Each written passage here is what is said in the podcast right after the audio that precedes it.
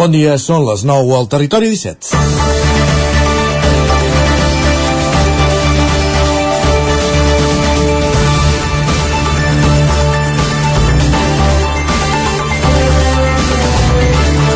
El 41% de les fonts de la comarca d'Osona estan contaminades.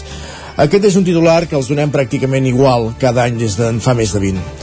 A través d'una xarxa de voluntaris, el grup de defensa del Ter, entitat ecologista de referència a Osona i Catalunya, analitza cada any l'aigua d'un bon grapat de fonts de la comarca. Aquest any han estat 99. La dada millora respecte a la de l'any passat, que les contaminades eren el 46% de les analitzades però des del grup de defensa del Ter de seguida s'afanyen a contextualitzar-ho en l'actual situació de sequera. No plou i, per tant, les dejeccions ramaderes, els purins, que s'utilitzen com a fertilitzants als camps, es queden a la terra i no filtren cap als aqüífers. La dada que destaca el GDT del mostreig d'aquest any és l'increment de nombre de fonts que no ragen, el 40% de les que s'han provat de mostrejar. I aquí la sequera també hi juga un paper rellevant. A través d'aquest estudi, el GDT vol evidenciar cada any una de les conseqüències que pateix la comarca d'Osona a causa de la concentració de granges derivada de la indústria porcina de la comarca. I aquí el gran debat. Al llarg de les tres darreres dècades s'ha treballat molt en reduir l'impacte d'aquesta activitat econòmica en el medi, però la millora tecnològica s'ha utilitzat per continuar creixent i les dades constaten que els nivells de contaminació s'han mantingut. Divendres es presentava a Vic el sisè estudi de competitivitat i en el debat es va generar, que es va generar planava la idea d'incidir en un canvi en l'economia d'Osona, on la indústria alimentària és pràcticament la meitat. Una indústria que genera molts llocs de treball, però molts d'ells de baixa qualitat. Posar el debat sobre la taula és important. Ara bé, també ho és ser, ser exigent amb una indústria que no acaba d'internalitzar els costos de la gestió de tots els seus residus. I aquest és i aquesta és la gran assignatura pendent. És dimarts 28 de març de 2023, en el moment de començar el Territori 17 a la sintonia del 9 FM, la veu de Sant Joan, Ràdio Cardedeu, Ona Codinenca, Ràdio Vic i també ens podeu veure, ja ho sabeu, a través de Twitch, YouTube, el 9 TV i la xarxa més. Territori 17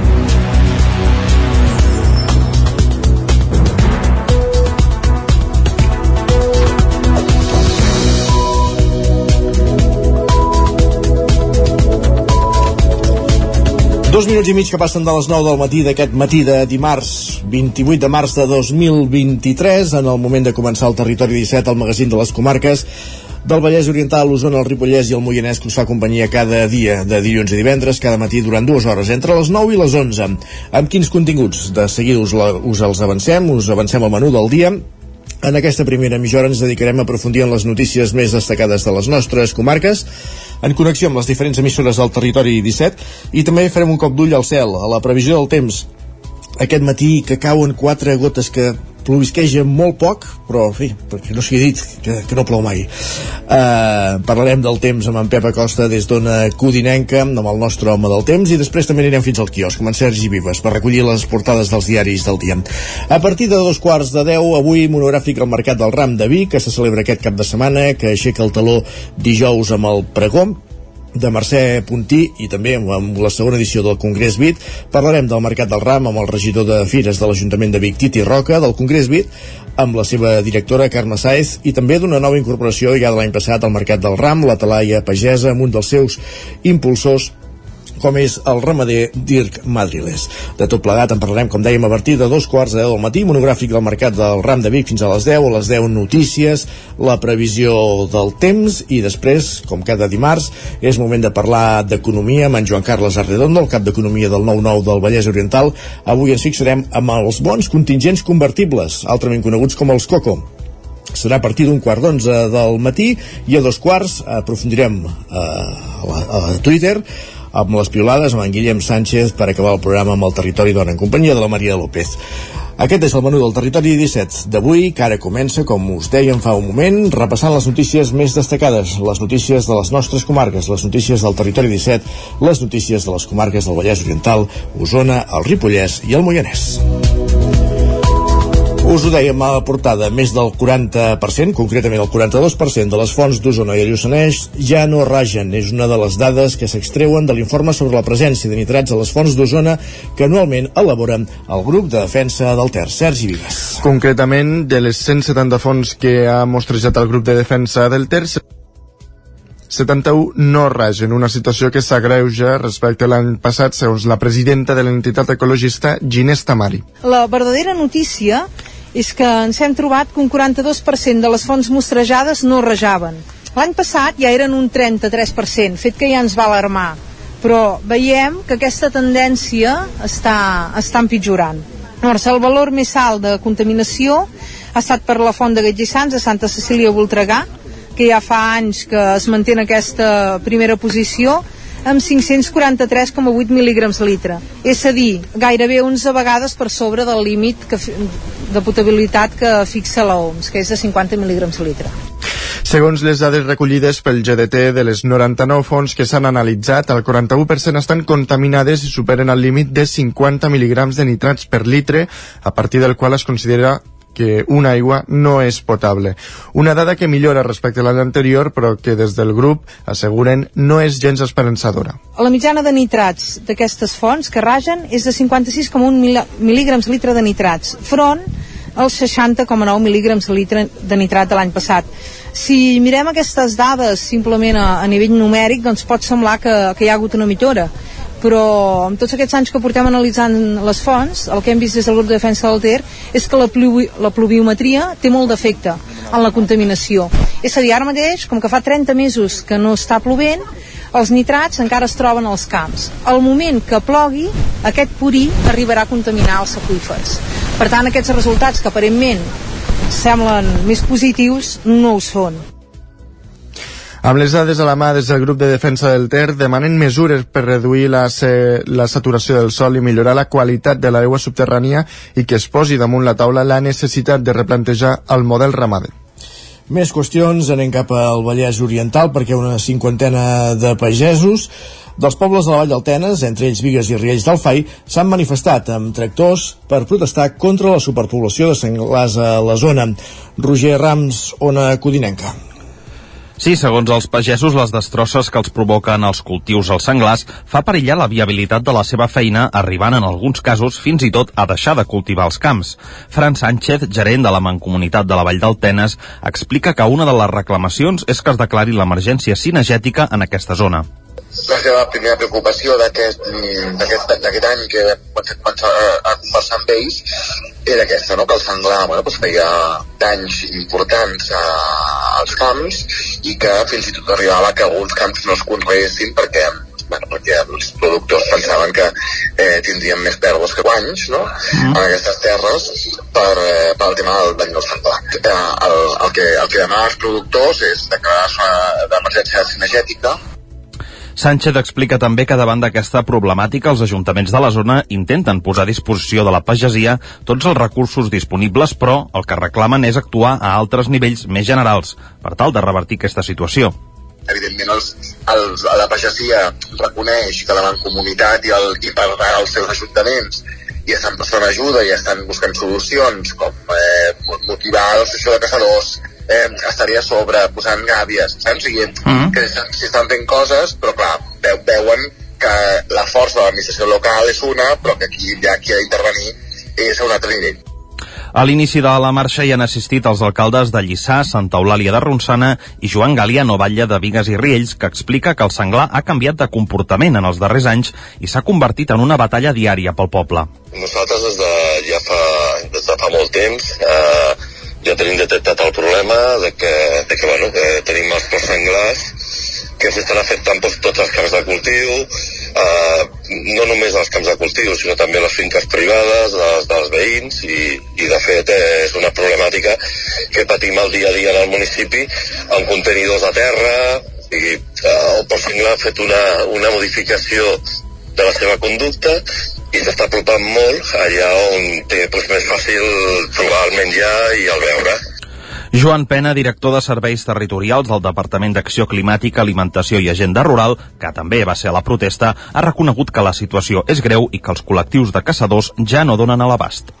Gràcies, Roger. Més qüestions. El Consell Comarcal del Ripollès vol posar plaques solars a l'abocador clausurat de les Lloses com a punt de partida d'una comunitat energètica comarcal. Isaac Muntades, la veu de Sant Joan. El Consell Comarcal del Ripollès ha iniciat els estudis per col·locar una quantitat molt important de plaques fotovoltaiques a l'espai de l'abocador clausurat Ripollès 3 de les Lloses per produir electricitat a partir de l'energia solar. L'acció permetria crear una comunitat energètica per distribuir energia no només a l'ens comarcal, sinó també a altres instal·lacions i habitatges. Això permetria estalviar la factura de l'electricitat de l'edifici del Consell Comarcal, però també de les famílies que s'hi sumessin. Seria una iniciativa pionera, ja que les comunitats energètiques solen ser d'àmbit local i no comarcal. D'altra banda, l'ens comarcal també vol doblar el nombre de plaques ubicades a la coberta de l'edifici, passant de 12 a 24. Podem escoltar el president de l'ENS, Joaquim Colomer, parlant sobre aquest tema. Un edifici que se generi per si mateix l'energia que consumeix. Per tant, aquí tenim la primera fase que ja es va fer, una fase que va costar 0 euros perquè van ser unes millores en el moment doncs, que es va poder canviar tot el, el finestral del Consell Comarcal, la caldera i totes les instal·lacions per fer-lo també més eficient i tindre l'actual doncs, l'any 2023 i ara doncs amb aquesta última modificació de crèdit que es va aprovar en aquest darrer plenari amb una partida doncs, de quasi 15.000 euros farem doblar la, la quantitat de plaques solars. Aquest cop sí ja ocupant la totalitat de la coberta que tenim aquí al Consell Comarcal. I també doblem l'estalvi de CO2 que eh, estem generant i per tant doncs si ara amb aquestes plaques solars estalviàvem 1,8 tonelades de CO2 a l'any, doncs ara pràcticament ens n'anirem aquestes 4 tonelades de CO2 que estalviarem a l'any. Pel que fa a costos, si fins ara hi havia un estalvi d'entre 1.500 i 2.000 euros en funció de la meteorologia, amb el doble de plaques aquesta quantitat s'elevarà entre els 3.000 i 4.000 euros. Aquesta modificació de crèdit es va aprovar amb els 6 vots a favor de l'equip de govern i la CUP i l'abstenció dels 12 consellers d'Esquerra Republicana i Junts. D'altra banda, el Consell Comarcal ha incrementat l'aportació a l'Oficina de Transició Energètica del Ripollès en 10.000 euros més. Es tracta d'un organisme participat pel Consell, l'Agència de Desenvolupament del Ripollès, la Diputació de Girona i amb el suport de l'Institut Català de l'Energia, que vol promoure les inversions en sostenibilitat energètica al sector industrial, el turístic, l'agrícola i també els habitatges. Gràcies, Isaac. Més qüestions. Obrim pàgina política, pàgina, pàgina electoral, perquè Maria Àngels Casals, metgessa i exregidora del PSC i actualment regidora de la CUP, serà la candidata a l'alcaldia de Torelló per la formació anticapitalista. Casals, que com dèiem ara és regidora i que el 2019 ja va ocupar el número 2 de la formació, es posa al capdavant d'una llista amb cares noves a les primeres posicions. Sergi Vives. El seu nom va ser l'últim que es va dir en l'acte de presentació de la seva candida, de la candidatura sencera aquest dissabte a la plaça Vella de Torelló. En el seu Parlament, Casals destacava que el projecte de la formació és col·lectiu i situava com a grans prioritats la lluita contra les desigualtats, la sobirania i la mirada feminista en les polítiques. Aquí volem donar-hi aquesta visió feminista perquè pensem que, que és positiu per, per tothom i doncs molt de tocar de peus a terra, d'estar al costat de les persones, molt de consens i molt de, de treballar pel poble, però des de la base, eh? Casals es posa al capdavant d'una candidatura renovada. Als cinc primers llocs hi ha un altre dels cinc regidors actuals de la CUP Torelló Son Poble, Jordi Casas, el número 4. S'hi estrenen Joan Conill, el número 2, i Noemí Pantoja, el 3 i crec que en aquest grup lo important i el que ens fa forts és que anem de baix a Nadal. O sigui, primer pensem en les persones després pensem en com governem i després en assolir el govern. Tinc coneixements en el món social molts anys d'experiència i moltes ganes de poder donar les oportunitats que he tingut jo a qualsevol persona que pugui venir al poble altres noms d'aquesta llista són Mireia Garriga, Mercè Piqué, Jordi Casanova, Aina Vinyes, Arnau Segura i Laia Sala. Més qüestions aquest dissabte. El PSC de Manlleu també va presentar les, els qui acompanyaran a la candidata Marta Moreta a la llista de les eleccions del 28 de maig. Un vermut amb música d'ambient i en format conversa és la fórmula que va escollir el PSC de Manlleu per presentar la llista que acompanyarà l'actual portaveu Marta Moreta a les eleccions del 28 de maig. I en la conversa, la també diputada al Parlament Alicia Romero definia així la candidata és una persona que, que es fa estimar, com diu ella, ens assemblem molt perquè som cap en fora, que, que ens diu un company diputat. Bueno, som extrovertides, som empàtiques, ens agrada estar amb la gent, ens agrada parlar, compartir les experiències, no tenim pudor a vegades d'explicar els nostres sentiments, que és una cosa a vegades a la gent li costa, la Marta i jo no, no tenim aquest pudor, ens agrada compartir i explicar quan estem bé i quan no ho estem. I la Marta és una persona sobretot alegre, no? És una persona optimista, és una persona que transmet una energia positiva brutal. Moreta va, va detallar alguns aspectes del programa. Aposten pel segon pont, el segon pavelló i consultes ciutadanes on no funciona el porta a porta. Es reivindiquen per liderar un canvi a la ciutat. Fer un canvi de model de ciutat, de manera de gestionar i de fer. Hi ha uns temes principals, són el tema de la indústria, eh, de les empreses, el tema de seguretat, eh, el tema educatiu, però també sense deixar de banda tots els temes culturals, molt important a la ciutat de Manlleu, tenim un teixit cultural molt important, i el, el teixit esportiu. Evidentment surten els, els problemes mediambientals de la ciutat, que són, són també greus i que cada any els patim tant a l'hivern com, com a l'estiu. Pel que fa a la llista, l'actual regidor Toni Poyato repetirà com a número 2 i completen les posicions capdavanteres l'activista cultural Aida Montoya, el biòleg Andreu Garcia i també i la també regidora Estela Vázquez. Entre la resta de noms hi ha Joaquim Alvareda, Miquel Molinero i Ramona Clara Pols. Claparols. Més qüestions, obrim pàgina cultural, segona edició del cicle Temps mort a Cardedeu sobre novel·la negra. Pol Grau, Ràdio Televisió Cardedeu. Des de fa 4 anys a Cardedeu hi ha un club de lectura que impulsa el fanatisme per la novel·la negra. És la segona edició que aquest club organitza el cicle Temps Mort amb diversos actes a diferents punts del municipi. Un dels protagonistes d'aquest any és la Stephen King, amb una tertúlia sobre Carrie, la seva primera novel·la publicada. Ens ho explica Encarna Garcia, seguidora de Stephen King. Va ser un èxit rotund des, de, des dels inicis de posada a la venda. Uh, va tenir molt d'èxit, va agradar molt, era una novel·la molt impactant tant pels temes que toca com, com perquè tractava un adolescent, una noia, i perquè de seguida va ser portada al cinema i això li va quedar un renom molt important i a partir d'aquí la seva carrera va ser bastant ràpida per pujar. Igual que, que hi han referents uh, clàssics no? com Lovecraft, Poe, uh, Mary Shelley o Shirley Jackson, per exemple, que són referents per ell, eh, diguéssim que en l'etapa contemporània ell està, uh, si no igual, estan en un nivell en el que ha sigut un referent per molts dels escriptors. A la sala de les columnes de l'Ajuntament de Cardedeu s'ha organitzat el veredicte del jurat popular, on s'ha resolt un cas real amb la intervenció del públic que ha pogut adquirir diversos rols, com per exemple l'acusat del jurat. Ens explica Benjamí Tous. L'homicidi d'una persona gran, passa que ja, ja és discutible si és un assassinat, si és homicidi o és un homicidi involuntari. L'acte ha estat presentat i dinamitzat per Cardedeu Legal Advocats i Anna Fernández.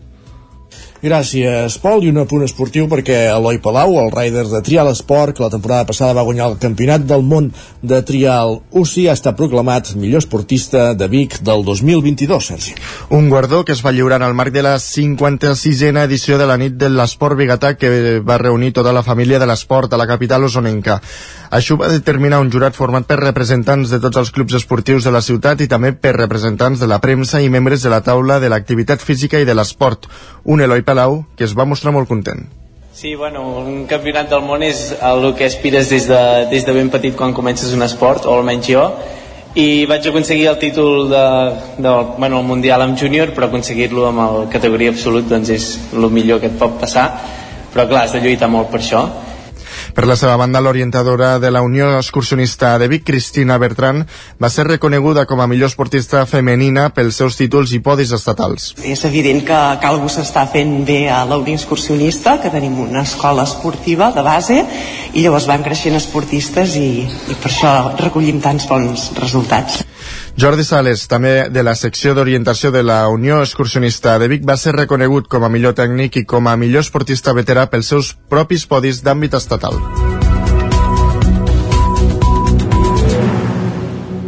Acabem aquí aquest repàs informatiu que començava amb el punt de les 9 en companyia de Sergi Vives, Isaac Muntades, Roger Rams i Pol Grau. És moment al territori 17 de saludar també el nostre home del temps, Pep Acosta.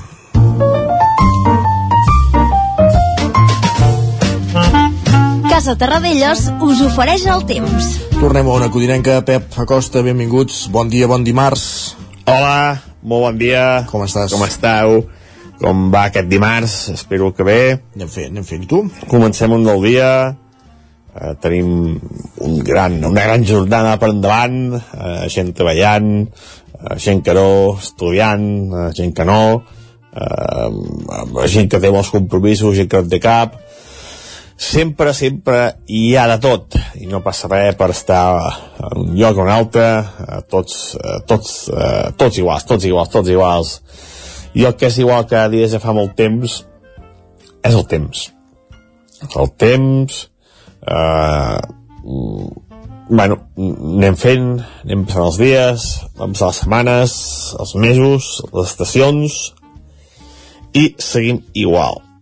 Uh, aquesta nit les temperatures no han baixat molt, només una tímida glaçada, molt tímida glaçada cap a la zona de, del Pirineu, temperatures per sobre els 5 graus, la majoria de les mínimes, només per sota d'aquests 5 graus, les zones més fredes i enclotades del Ripollès, d'Osona i el però molt poques zones. I com a novetat, hi ha més núvols cap a zona del prelitoral. Bufen, bufen vents marítims i aporten una mica d'humitat i més núvols a la zona litoral i al prelitoral. Es poden deixar escapar quatre gotes, si és que cauen, seran del tot minces, del tot eh, esporàdiques i del tot eh, insuficients de cara a pal·liar una mica la sequera. Les temperatures màximes d'avui, amb més núvols, amb més eh, amb, amb, amb, amb menys estona de sol, baixaran una mica. La majoria màximes entre els 18 i els 21-22 graus. Però això serà només eh, transitori perquè de cara a demà la temperatura s'enfila. Atenció demà que arriba un anticicló més potent, ens envia vents del sud i això farà la temperatura ben bé dos o tres dies, eh? a nivells del mes de juny, eh, mes de setembre, per tant, unes temperatures molt, molt elevades que tindrem dos o tres dies.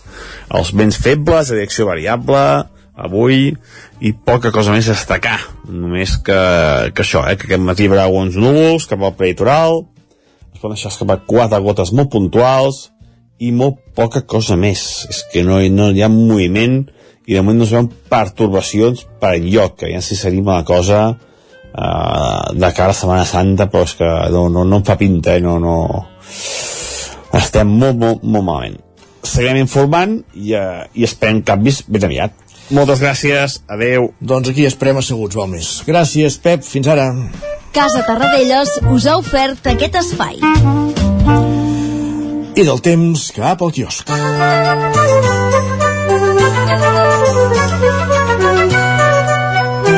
Perquè és moment, Sergi, de posar la mirada a les portades dels diaris del dia.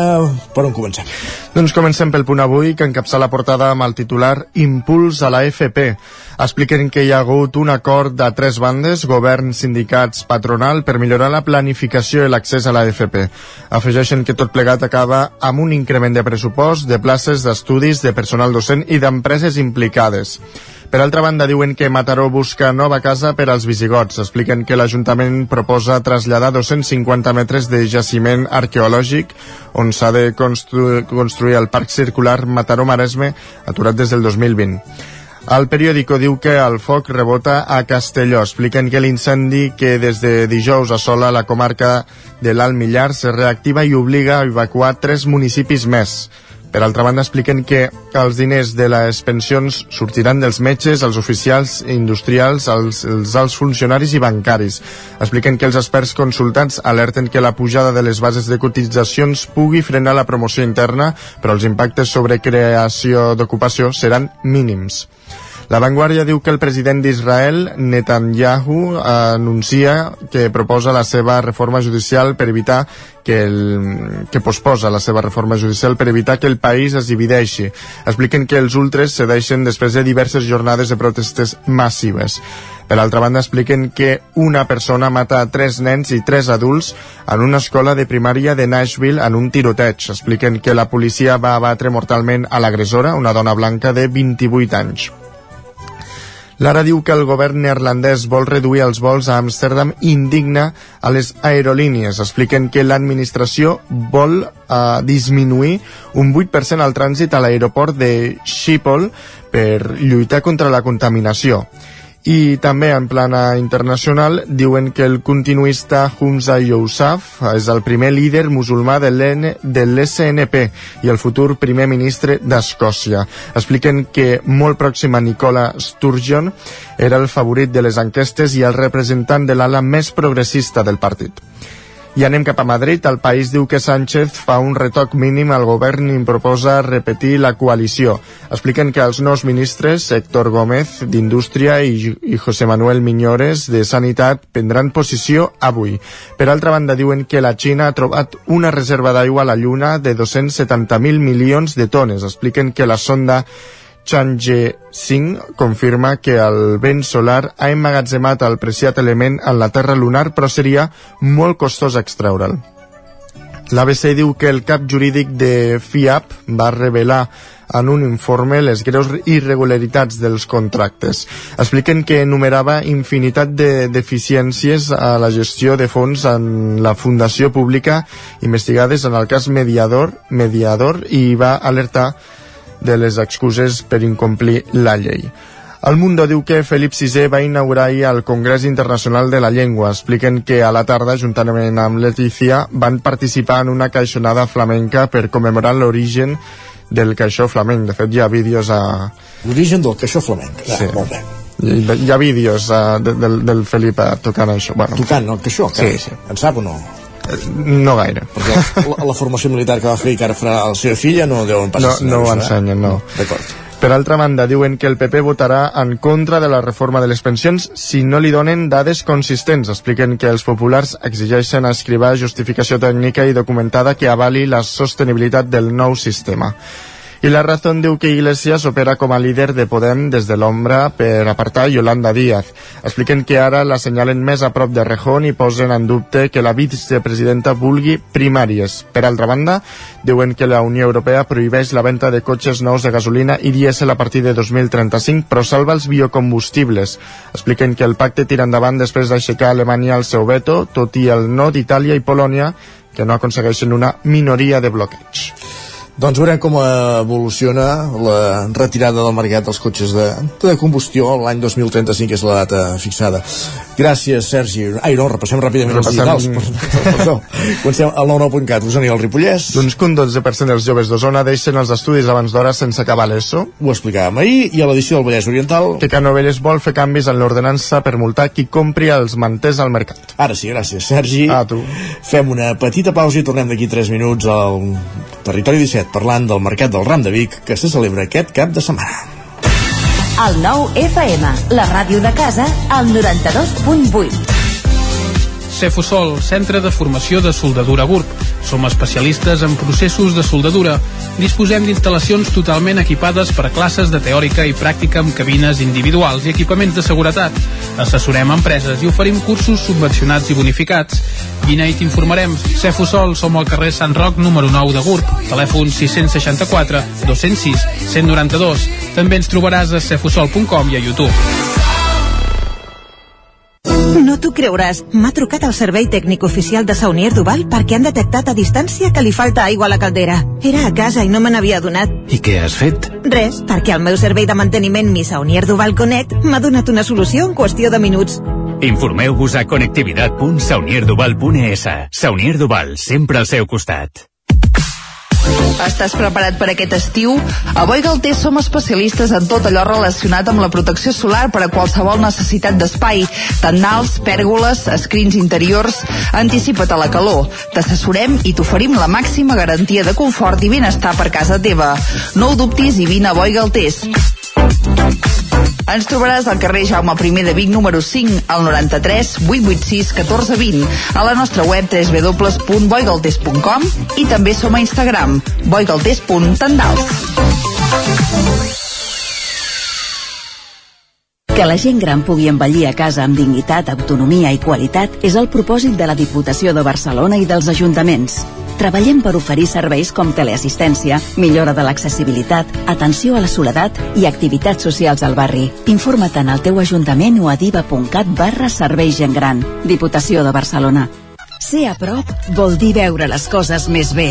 Apropa't al que t'interessa amb la xarxa Més. La teva plataforma audiovisual de qualitat, proximitat i gratuïta. Gaudeix dels continguts de més de 30 televisions locals i podcast quan, com i on tu vulguis. Entra a la xarxa més.cat i descarrega't l'app. Cocodril Club. Si t'agrada la bona música dels anys 60, 70 i 80, escolta el 9 FM als matins de dissabtes i diumenges d'11 a 1. És el temps del Cocodril Club, tot un clàssic de la ràdio, amb les bases del pop-rock, les llegendes, les cançons que s'han convertit en autèntics himnes. Recorda, dissabtes i diumenges al matí, d'11 a 1, al 9 FM 92.8. Cocodril Club, el programa revival de l'Albert Malla. Hasta luego, Anuncia't al 9FM. La màquina de casa. 9 3 8 8 9 4 9 4 9. Publicitat arroba al 9FM.cat. Anuncia't al 9FM. La publicitat més eficaç. El 9 FM, el 9 FM, el 9 FM, el 9 FM. En punt, dos quarts de 10 al territori 17.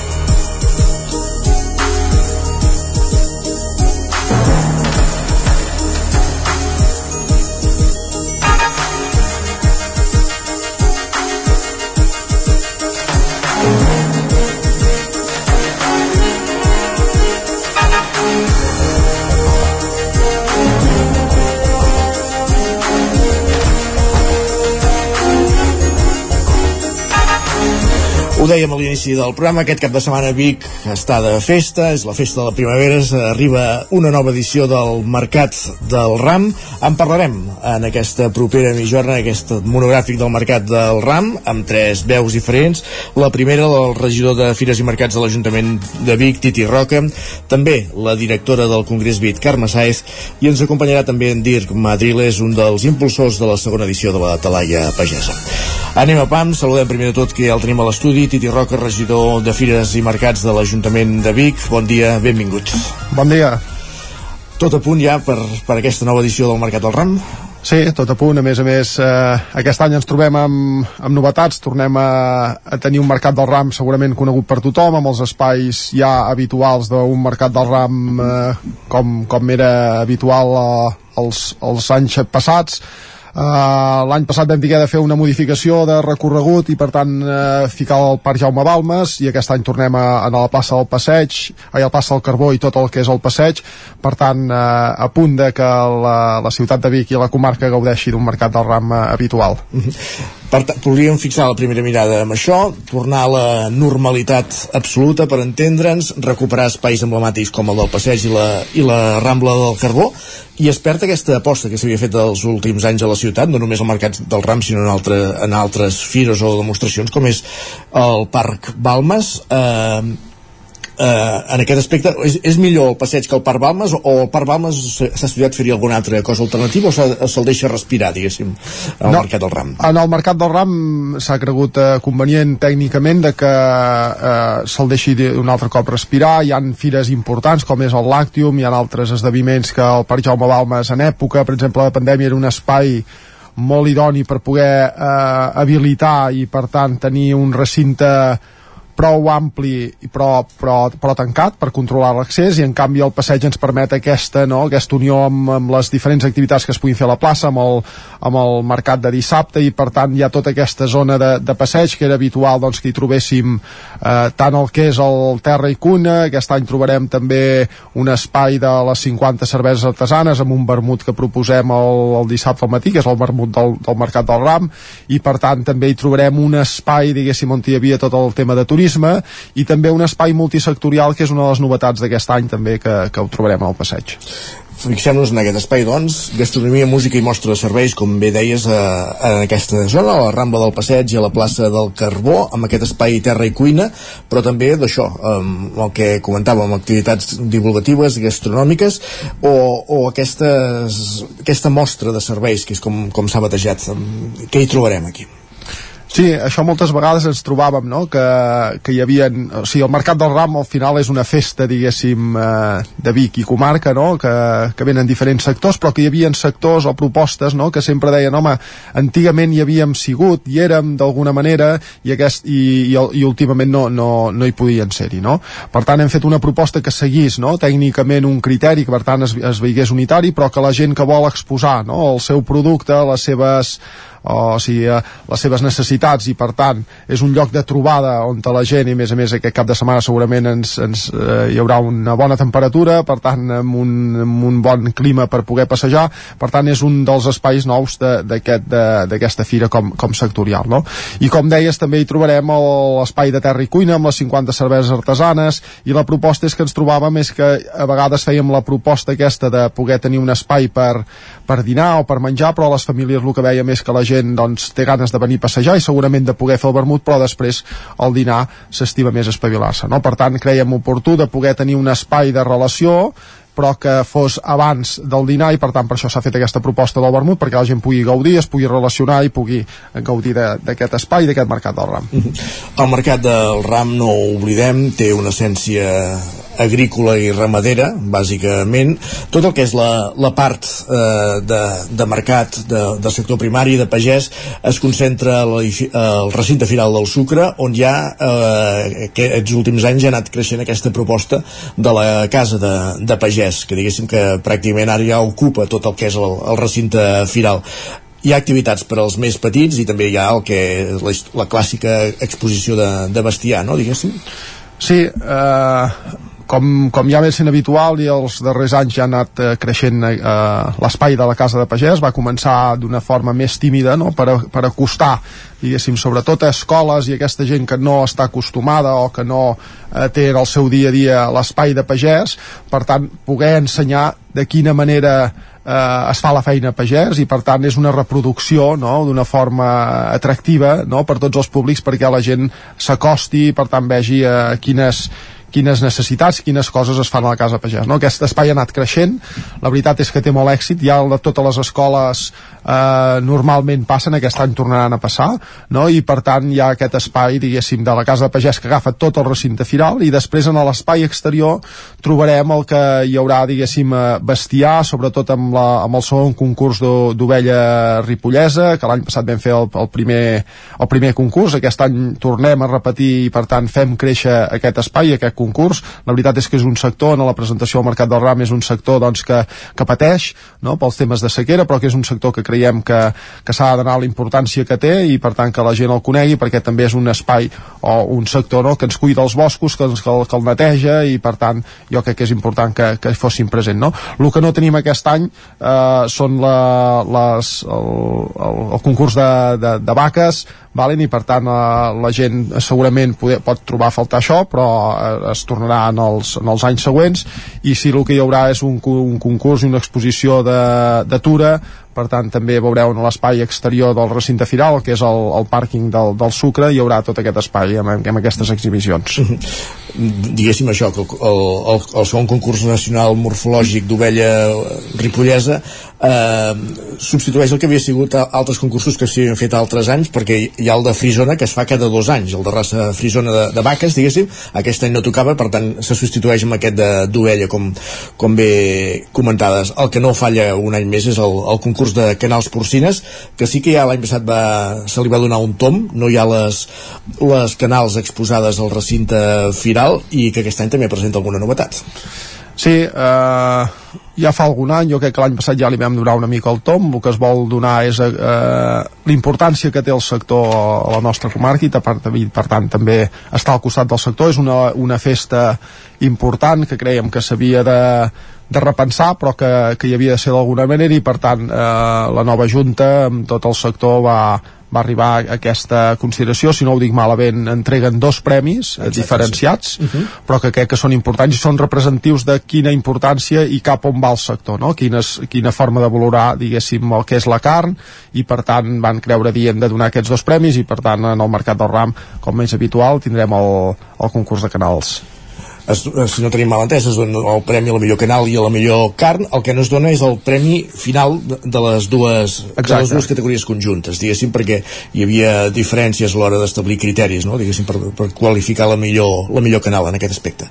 Eh, deixem davant d'una mica el recinte final, eh, el, el, el passeig mossèn Gudiol és on hi haurà tota la mostra d'automoció, seguirà la línia, en línia recta a l'Avinguda dels Països Catalans, on hi ha tota la, la part de maquinària agrícola, també és un, són espais clàssics de, de cada any i ens volem fixar en totes les, les activitats més lúdiques que comporta aquest mercat del ram. Estem parlant del concurs de, de globus aerostàtics el concurs de pintura o, o, o per exemple la trobada castellera que aquest any coincidint amb els 25 aniversari dels Segals d'Osona doncs també té noms destacats diguéssim Sí, com dèiem, no? és una festa eh, de on la ramaderia, l'agricultura, on es pot passejar, hi ha el turisme, però també hi ha moltes activitats, com deies, no? hi ha la zona d'automòbils, la zona d'agrícola, diguem, maquinària agrícola, com bé dius, davant del sucre, amb la parada de Camplanes bones per poder anar a fer un, un pollastre l'ast o una botifarra, i per tant una zona de trobada, però també ens trobem amb un cap de setmana no? eh, amb activitats culturals molt importants, com deies, aquest concurs de pintura ràpida, sobretot el diumenge amb aquesta trobada castellera dels 25 anys dels Segals d'Osona, que ens vindrà a la colla de Vilafranca, jo crec que serà una gran jornada per, per acabar, o, o dins del mercat del ram per acabar de fer festa, i com no pot ser d'una altra manera, jo sempre dic no, que és una vessant una mica esportiva, no? l'enlairament de, de globus, que és una de les imatges importants i que la gent reconeix, no? que quan s'enlairen aquests globus eh, diuen ha arribat al Mercat del Ram, per tant, aquests dies inicials al Mercat del Ram trobarem les dues enlairades de globus i com no pot ser d'una altra manera també el dissabte amb el Night Glow, que és aquesta festa al final, si el temps ho permet i la climatologia ho respecta, el dissabte a la nit poder fer aquest enlairament de, dels globus nocturns diem malauradament, ja, ja ens entendràs, però aquest any sembla que no hem pas de patir pel cel, no? El mercat del ram sempre anava associat a pluja, però els aquest, amb, amb la sequera que ens acompanya semblaria que la cosa no, no va per aquí aquesta vegada. Sí, jo crec que tenim dos moments claus a la nostra ciutat, que no és quan tocaria ploure, que és mercat del ram i música viva, que normalment és, eh, ens fan alguna sorpresa esperem que, que plogui no sigui aquests tres dies però els següents o aquests previs doncs eh, la pluja serà benvinguda Uh, Titi Roca, regidor de Fires i Mercats de l'Ajuntament de Vic, un últim punt per, una cita nova del Mercat del Ram de l'any passat, que és la Talaia Pagesa. Ara en parlarem amb un dels seus impulsors uh, d'aquesta segona edició, que és en Dir Madriles, però sí que ens agradaria això, uh, des del vostre punt de vista, des de la regidoria, des de l'Ajuntament, parlar d'aquesta proposta que el que vol és generar un debat serè, sa, des de tots els àmbits de, de la pagesia, no? diguéssim, per, per, per explorar, per trobar una, una nova veu de, de la pagesia pagesia per, de cara, diguéssim, a, a parlar del seu futur. La, el Mercat del Ram li dona aquest aixopuc, es farà al Centre Cívic eh, Joan Triadú, diguéssim, eh, com dèiem, no? el Mercat del Ram sempre s'associa a pagesia, sector primari, i és un bon escenari, és un bon marc no? per acollir cites com aquesta. Ah, sí, eh, així és. Eh, això és una proposta que l'any passat vam poder gaudir-la al Seminari de Vic, aquest any canviem l'ubicació, però el tarannà és el mateix, diguéssim, és trobar un espai on els pagesos joves i no tan joves però que tenen la voluntat de seguir i per tant donar importància al sector de la pagesia tinguin un espai per, per repensar, per retrobar, per, per veure cap on va aquest, aquest sector no? i quines visions hi han de diferents visions i també eh, diferents sectors de, sectors de la pagesia, per tant és un espai que creiem adient de proposar i jo crec que l'any passat va tenir una molt bona acollida i aquest any esperem que, que continuï perquè creiem que, que l'espai del Mercat del Ram és un bon espai per poder eh, treballar, eh, deixar anar idees i per tant eh, estudiar el sector quin, quin serà el, el seu futur. Titi Roca, moltes gràcies per acompanyar-nos i molt bon mercat del ram. Gràcies a vosaltres. Bon dia. I avancem nosaltres aquí al territori 17, després de conversar amb el regidor de Fires de l'Ajuntament de Vic, com deien, qui saludem a l'altra banda de fil telefònic, és a Dirk Madriles, un dels impulsors, un dels promotors d'aquesta segona edició de la Talaia Pagesa. Benvingut, bon dia. Bon dia, moltes gràcies. Dir Madriles, que és un ramader i agricultor ecològic de, del Moianès, concretament de Castellterçol, està al capdavant d'una explotació ovina i cabruna ecològica, eh, i que, com dèiem, eh, aquest any forma part de, del grup promotor d'aquesta talaia pagesa. Una mica, Dir, que explica'ns eh, quin és l'objectiu d'aquest fòrum, d'aquesta talaia. Sí, doncs, eh, entre l'edició de l'any passat i aquesta d'aquest any, que serà la segona, han passat moltes coses. Eh, han coincidit almenys tres crisis. Una és una mica eh, l'augment dels costos i de les matèries primeres. D'altra banda, ens hem trobat amb eh, la crisi de l'inflació, deguda a diferents motius i que afecta tant productors com consumidors. I per una altra banda, ja ho comentava amb el regidor, eh, la crisi climàtica. Trobem a faltar la pluja i trobem a faltar una perspectiva que ens permeti collir els fruits que necessitem per tirar endavant, no? I aleshores eh, volem afegir un nou repte en aquesta talaia d'aquest any, que és intentar imaginar com davant d'aquestes crisis o reptes eh, es posiciona el sector. I poder davant de reptes tan grossos eh, necessitem ampliar la veu del sector. I la talaia pagesa eh, vol ser un punt de trobada per reflexionar i per acostar persones indistintament del seu model productiu, però que totes compartim aquest neguit pel futur i l'il·lusió perquè continua havent-hi pagesia també en un futur proper i també llunyà. Uh -huh. Ara ho esmentaves una mica, la talaia aquí interpel·la. Quan dius eh, tot el model productiu, tot pagès, diguéssim, es pot sentir interpel·lat i convocat a Vic divendres al matí? Sí, en Catalunya és un lloc que tenim eh, molts microclimes, eh, molts espais agraris diversos i molts sistemes de, de produir. Eh, uns poden ser més ecològics, altres més intensius, eh, però tots encara compartim una cultura de eh, fer pagesia. Per tant, el que creiem és que eh, la talaia pagesa pot ser un lloc on apropar les persones eh, més que no pas eh, discutir sobre els models de producció exclusivament, perquè els reptes són tan grossos que hi ha una necessitat explícita de trobar-nos, parlar d'allò que ens uneix, més que no pas del que ens separa, i trobar vies imaginatives i creatives per encarar aquest futur que ens ve al damunt. I per tant una mica fugir d'aquella queixa que, que moltes vegades eh, li atribuïm al sector primari, no? Eh, la queixa al sector primari és eh, fonamentada perquè eh, és un sector que lluita contra els elements, lluita amb molts fronts oberts i de vegades en percep una baixa, eh, un baix prestigi per part de la resta de la societat o les administracions.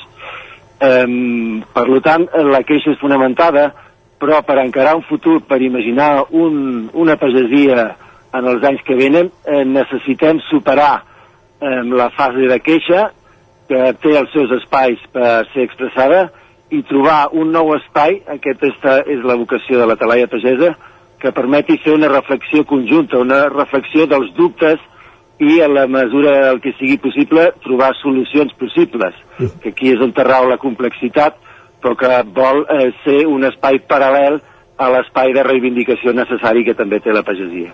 En aquesta talaia s'han programat diversos tallers i fins i tot una taula rodona on els protagonistes, on els que plantejaran els seus models, diguéssim, d'explotació de, o de negoci, eh, són, evidentment, són, són tots pagesos, diguéssim, no? Posar sobre la taula models que puguin donar idees a, a companys de, del sector de cara al futur. Eh, entenem que és aquesta una mica la idea, no? Sí, i ja existeix arreu de Catalunya en projectes petits, individuals, comunitaris, col·lectius, eh, que poden ser inspiradors, que ja fan una funció de, eh, promoure activitats que tinguin una perspectiva de futur adient amb els canvis que venen.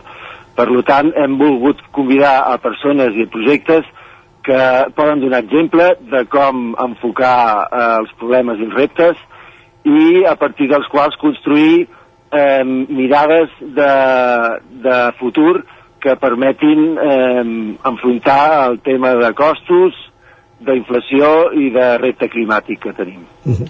En aquesta segona talaia pagesa també es presentarà el manifest de la talaia.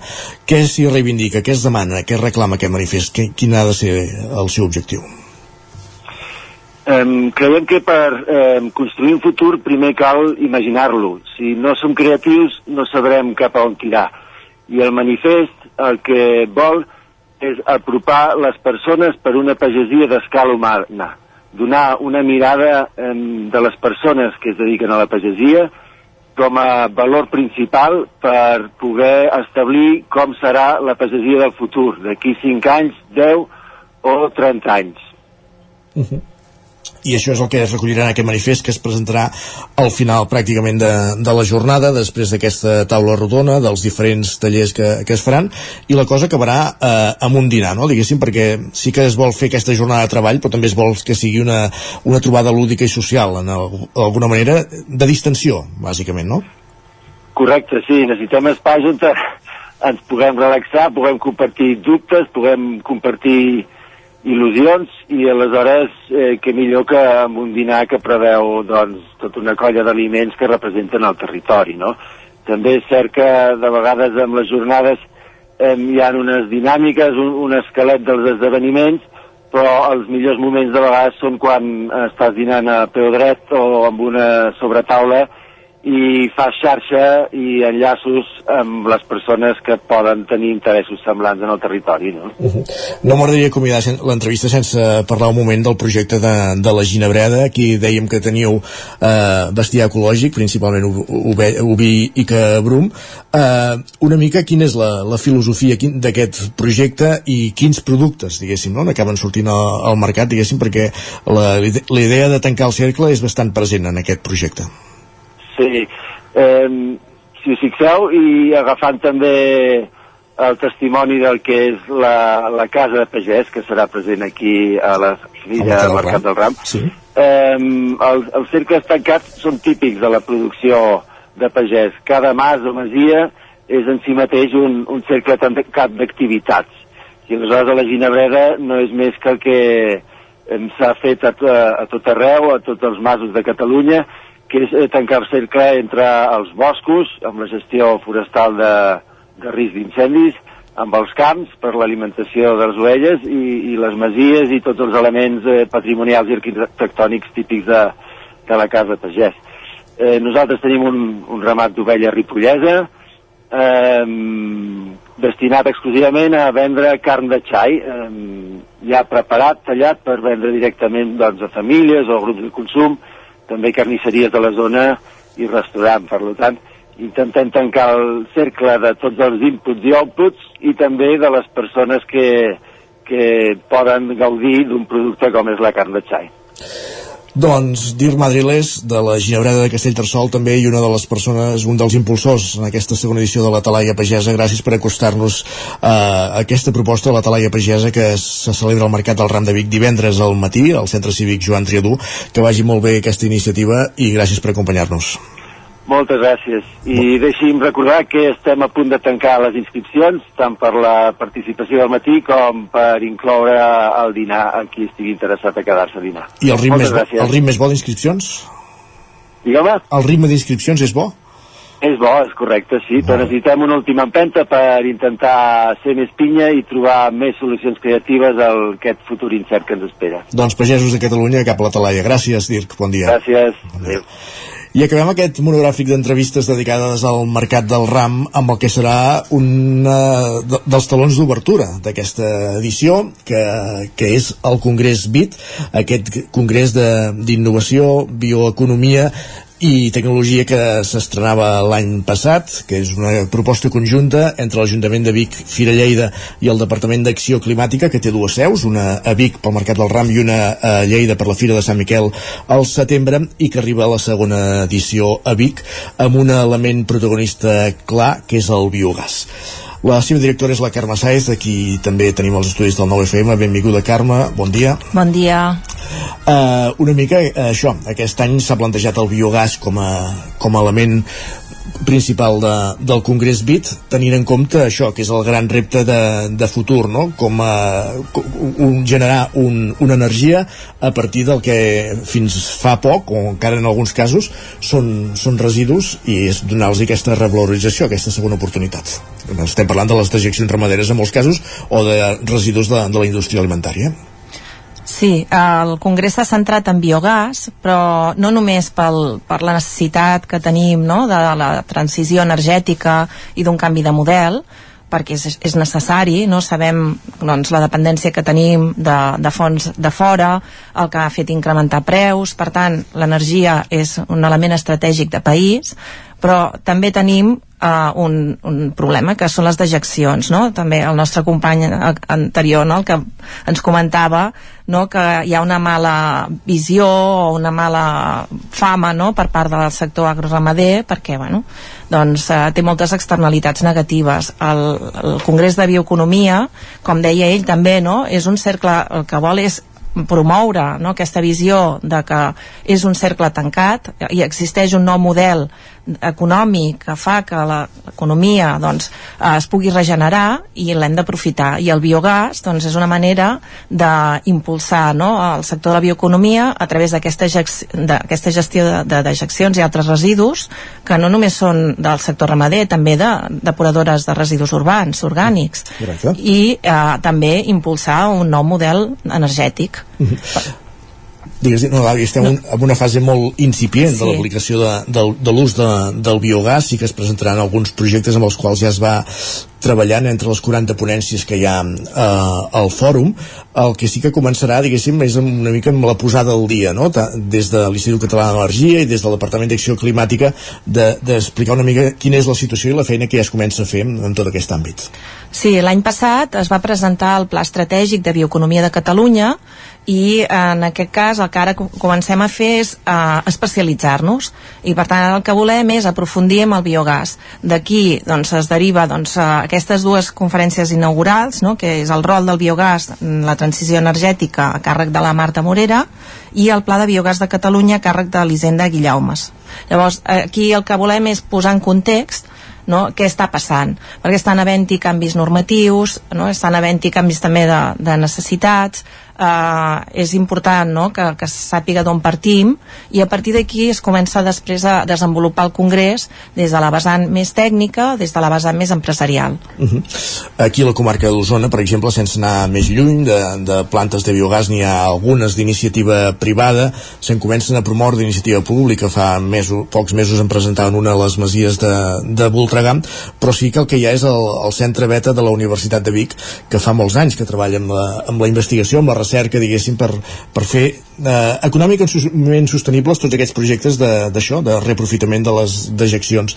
És un actiu important també per aquest congrés, no? El Centre Beta, perquè el veiem més d'una ponència. Sí, eh, no és només com a ponent, sinó també dintre de l'organització ha tingut un, un, bueno, un paper clau perquè és el que disposa del coneixement del que està passant a Catalunya i, i, i arreu, té una visió estratègica, no només científica, que ens ha ajudat molt també des de la relació també amb les empreses que poden arribar no, a ser doncs, a, o, o bé assistents o bé ponents, i llavors té una implicació més enllà de lo que és el centre beta. I que estem molt, molt, molt agraïts a, al centre beta per la seva, el seu rol en aquest congrés Uh, Fixem-nos un moment ara amb les ponències, després de parlarem d'altres activitats que hi ha programades en aquest Congrés BIT.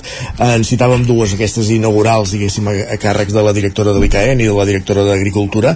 Uh, D'aquestes 40 ponències, quines destacaríem, o diguéssim, quin, quin és, on, on hem de posar la banya, per entendre'ns? A veure, tot depèn dels interessos de cadascú, perquè hi han, o sigui, hem intentat resoldre tots aquells dubtes no?, que, que pensem que, que existeixen en el sector per tant, des d'una visió no, de quin ha de ser el model de planta no, de, de, de biogàs que pot tenir doncs, un territori o una, un empresari o una, una, una, bueno, un pagès no, que també pot tenir un model de planta des de també una visió estratègica de quin ha de ser el potencial del biogàs a Catalunya. Uh -huh. eh, tenim també en el, amb eh, una visió en el més bit eh, especial només pels tècnics de promoció econòmica de territoris de, de, bueno, que estan convidats tots a, a totes les persones que ajuden en els territoris no, a desenvolupar l'economia on volem explicar i es presenta una guia de, de bioeconomia per, per també entendre el concepte. I també en aquesta línia tenim un taller de comunicació on també eh, volem que tant estudiants com inclús ciutadania pugui assistir per entendre el concepte i ajudar a crear missatges per transmetre la bioeconomia. Uh -huh. Uh, llavors tenim una part només de projectes científics per conèixer l'estat de l'art de la, del biogàs a Catalunya. Hi ha un tema que és molt, molt important, que és el tema normatiu. Doncs també tenim una ponència que explica el marc legal i què està canviant Uh, vull dir que és, un, és molt ric, no, no voldria destacar un projecte, sinó que són, el que hem enfocat aquest congrés és molt amb, amb taules temàtiques on hi han 5, 6 projectes que s'expliquen o 5, 6 ponents que comparteixen opinions. De manera que uh, bueno, hi hagi una visió variada, no, multisectorial, i que permeti també doncs, que cadascú es porti el seu missatge i, i, bueno, i, i, i que es pugui començar a familiaritzar amb la necessitat de, de, de, bueno, de fer projectes de bioeconomia, en aquest cas de biogàs. -huh. El Congrés Vit es farà durant dijous i divendres a l'edifici del Sucre de Vic i també comptarà amb aquest espai Vit Expo i l'espai museístic que hi veurem en aquests dos espais. Bueno, en el Vit Expo és un petit espai on com, hem convidat empreses que estiguin en l'àmbit de la bioeconomia del biogàs a ser expositores i per tant a explicar projectes. Per nosaltres eh, des de la direcció doncs, sempre s'ha pla plantejat el Congrés Vit com un element de networking i de transferència de coneixement i per tant aquí, aquí hi ha una opció i després en aquesta part més museística el que estem fent ja des de l'any passat és recollir pòsters de projectes on amb, un, amb una sola pàgina o sigui amb un sol com una, un, un dinar 4 no? tu pots veure què s'està fent en aquell projecte, quins són, els, uh, quins són els resultats que es volen obtenir, en el cas de que s'hagin obtingut, perquè a vegades són de centres universitaris o són d'empresa, doncs, uh, doncs quins són els resultats esperats, uh, qui col·labora, de manera que també no, es pugui fer aquesta relació també de, de coneixement, transferència de coneixement i també de networking, perquè en el fons el que volem també és que la gent es conegui. Arrel d'això també hi ha una plataforma, a la, una pàgina web, on també estan tots els continguts dels darrers anys i hi haurà els continguts d'aquest, també per afavorir aquesta transferència de coneixement. I ja per últim dèiem que aquest és el segon any que es fa el Congrés BIT, no sé si dir-ne segona edició o tercera, tenint en compte que és això, és una cita, eh, són dues cites cada any. Més aviat un, bueno, un prototip, no? Pensàvem a veure si funciona, perquè és una temàtica que es desconeix, és una temàtica molt transversal, perquè no és només adreçada a un sector, sinó que és multisectorial, no sabíem si se sentirien no, els empresaris, a la, a, els, els científics apel·lats per aquest concepte, però sí, va funcionar molt bé. Entre les dues edicions han passat més de 500 persones i, per tant, es va decidir repetir no? aquesta segona edició o sigui, és la segona edició a una primera seu que és Vic i el que sí que es va decidir és no parlar de manera transversal sinó començar ja a aprofundir en temes el Congrés BIT, per tant, que se celebrarà eh, aquest, que, aquesta setmana, dijous i divendres, coincidint amb el mercat de, del Ram de Vic, arriba a la segona edició a Vic, n'hem parlat amb la seva directora, dedicat aquest any al biogàs. Carme Saez, moltíssimes gràcies per acompanyar-nos i que vagi molt bé també aquest, aquest Congrés. A vosaltres. Fins aviat. Nosaltres avancem al territori 17, ara mateix, que passen un minut de les 10 del matí, és moment de posar-nos al dia, és moment d'actualitzar-nos amb les notícies més destacades de les nostres comarques.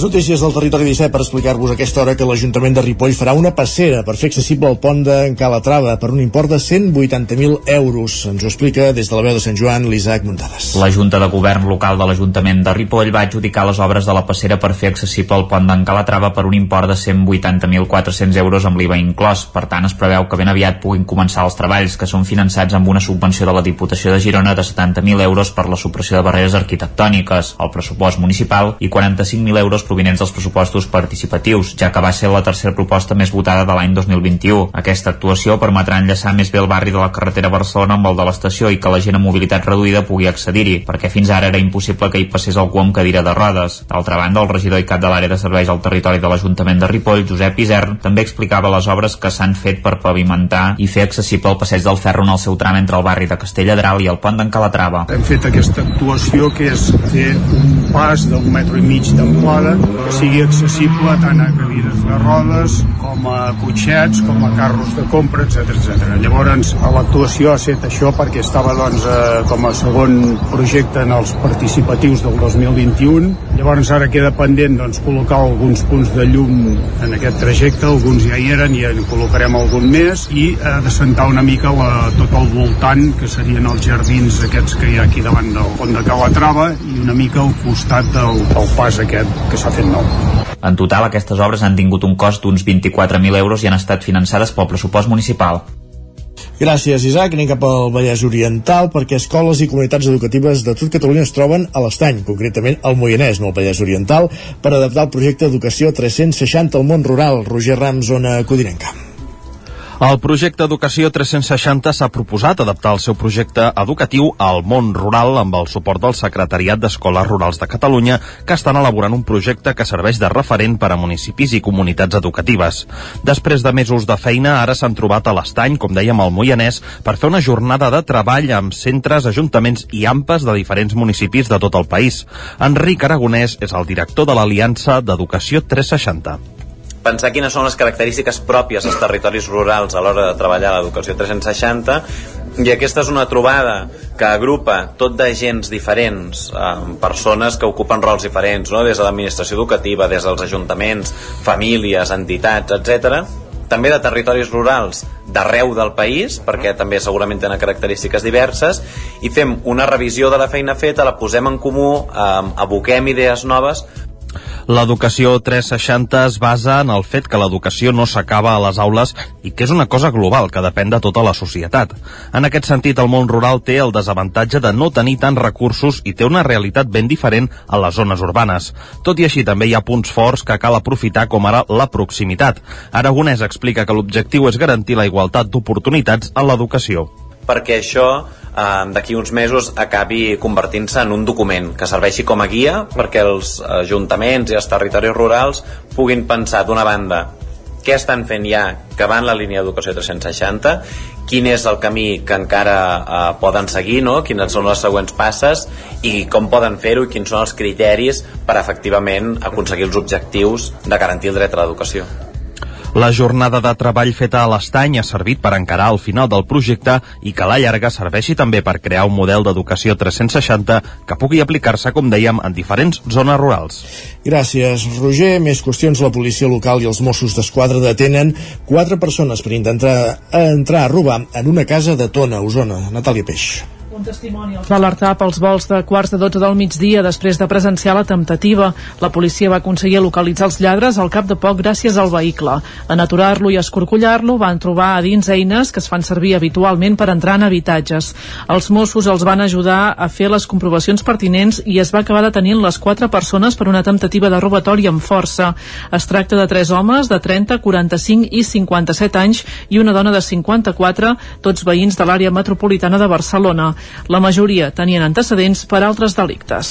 Més qüestions. Pere Fita inaugura el controvertit Mirador de Ponent, un projecte que ha tingut un cost que ronda el mig milió d'euros. El projecte ha consistit en arranjar l'entrada sud del poble amb una zona verda de 4.000 metres quadrats, zona de pícnic i aparcament. Tot plegat ha durat 8 mesos. Ramon Casals és l'alcalde de Perafita. Volíem arreglar l'entrada sud del poble, que la veritat és que amb una carretera estreta, una vorera també estreta, tanques de ferro, etc, doncs no estava en massa bones condicions i va sorgir l'opció de que a través del Consell Comarcal, doncs a més, endrecéssim un espai com a mirador perquè volien crear una xarxa de miradors d'Osona, aquest projecte que intenta ajuntar les dues coses, no? posar ordre a la carretera, pacificar el trànsit i a més eh, obrir un nou parc públic a, al municipi. No? Aquest és el primer que s'ha enllestit dins del projecte Miradors d'Osona, liderat pel Consell Comarcal i que s'ha finançat en un 41% amb els fons europeus FEDER i un 25% de la Generalitat. La Diputació de Barcelona també ha eixamplat la carretera per seguretat. Així ho expliquen el president del Consell Comarcal, Joan Carles Rodríguez, i el diputat d'Infraestructures i Espais Naturals de la Diputació, Pere Pons. Té una vocació turística innegable, però també sostenible, i que el que busca és potenciar els municipis de la nostra comarca de la comarca d'Osona i en aquest cas també doncs, d'un municipi del Lluçanès com és Perafita. Nosaltres bàsicament el que treballem és al voltant de la carretera, la seguretat de la carretera. Aquí Perafita ja veieu que hi ha una mobilitat constant al voltant, és un indret que ja és un mirador de per si, i al fer-se aquesta obra de miradors de la comarca era imprescindible que nosaltres assentéssim la carretera. L'execució d'aquest projecte ha estat controvertida tant per les reclamacions dels veïns del poble com per la negativa de l'oposició del consistori. En el marc del projecte Miradors d'Osona, a banda dels de Pere Fita, també s'està treballant en accions a Cabrera, Bellmunt, Els Munts i Sant Quirze. Més qüestions en la plana cultural. Acaba amb èxit la 23a edició del Festival de Música Clàssica en Ressona de Cardedeu. Pol Grau, Ràdio Televisió Cardedeu. Ha tornat el festival Ressona amb la 23a edició per omplir el poble de música clàssica. Per encetar el festival s'ha comptat amb el grup Queviart, un quartet de saxos composat per un soprano, un alt, un tenor i un baríton. Un concert que ha tingut una gran diversitat d'estils i l'estrena nacional de la peça d'harmonia de David Lee Hepsi. Ens explica Daniel Miguel i Víctor Serra, membres de Queviart. Les dues primeres són a la Passacalla de Bach i després les quatre peces de Mendelssohn que va escriure al llarg de la seva vida i que no són exactament un quartet de cordes sinó que el seu editor, una cop ja estava mort, les va ajuntar i les va publicar com el Opus 81 simplement per treure rèdit de la figura de Mendelssohn. I després les dues peces contemporànies que interpretarem estem molt feliços d'avui tocar-les aquí. Harmonia és l'estrena nacional d'aquesta peça que just vam interpretar per primera vegada a Zúrich a principis de febrer i després la peça de Seven Capricci de Jörg Friedman que és una peça que també, com la primera, ha estat dedicada al nostre quartet i ens fa moltíssima il·lusió eh, interpretar-la tantes vegades com és possible amb dues perquè, com he dit, estan dedicades al nostre grup. El festival també ha comptat amb el concert barroc protagonitzat per un quartet, amb el flautista Claudia Alemany, Pedro Rodríguez al caricèmbal, la soprano Silvia Rodríguez i el flautista Eduard Sánchez. Ens explica Claudia Alemany. El programa d'avui és un programa de, de música de cambra, de música del segle XVIII, sobretot del barroc, eh, formada per una, una soprà, dues flautes i clavicèmbal. De les peces, eh, la primera obra que toquem és un trio de quants, llavors toquem la, la cantata del cafè de Joan Sebastià Bach, toquem un duo de Haydn per dues flautes, eh, toquem una, un trio sonata de Calfil Manuel Bach, un dels fills de Joan Sebastià Bach, el Festival Ressona ha posat punt i final amb el cor de la cambra del Palau de la Música format per 24 cantaires, dirigit per Xavier Puiggi i acompanyats del violí tiorba i percussió. Han presentat una mostra de tonades i melodies populars d'arreu dels països catalans. Gràcies, Pol. I un, I un apunt esportiu. Per acabar, el Club Patinatge Artístic Tona obté el Campionat d'Espanya de Grup Show Petits aquest cap de setmana, seguint els èxits de l'equip que ja havia guanyat el Campionat de Barcelona i el de Catalunya. El Tona va tenir obtenir un altre èxit, aquest més inesperat, la segona posició del grup de show gran darrere el Girona i per davant de l'Olot. El moment dolç del Club Patinatge Artístic Tona i del seu grup de show petit s'ha repetit aquest cap de setmana al Campionat d'Espanya. La coreografia Sàlvala els els ha valgut el segon títol estatal consecutiu amb un total de 42,51 punts i s'afegeix al Campionat de Barcelona i el de Catalunya que ja han assolit aquesta temporada. La gran sorpresa pel club usonenc va arribar a la competició de grups de show gran. El Tona va acabar en segona posició per darrere del Girona i superant l'Olot, el gran club, el, el gran club volem dir, de la categoria aquests últims anys que va cometre diversos errors en l'actuació. L'entrenadora tonenca Gemma Font deia just després de la competició que encara no havien assumit el bon resultat. En un núvol. És que no ens ho creiem. Crec que de totes les porres que havíem pogut imaginar, crec que és l'única que no havíem posat cap. Vull dir, no, no ens esperàvem cap aquest resultat en absolut. Ens sap molt greu perquè en el cas de l'Olot creiem que és un grup que és lluitador, que sempre està aquí dalt i que ens sap molt greu que si els hem arribat a passar sigui perquè han pogut fallar, però tot i així és el que toca. Hem treballat, tothom ha estat aquí, tothom pot caure, tothom pot allò, per tant, bueno, contenta per l'equip. El club tonenc va participar al Campionat d'Espanya de grups de show gran amb la proposta Check-in. Gràcies, Natàlia. Acabem aquí aquest repàs informatiu que començava amb el punt de les 10 en companyia de Natàlia Peix, Isaac Muntades, Pol Grau i Roger Rams. És moment al territori 17 de saludar també en Pep Acosta.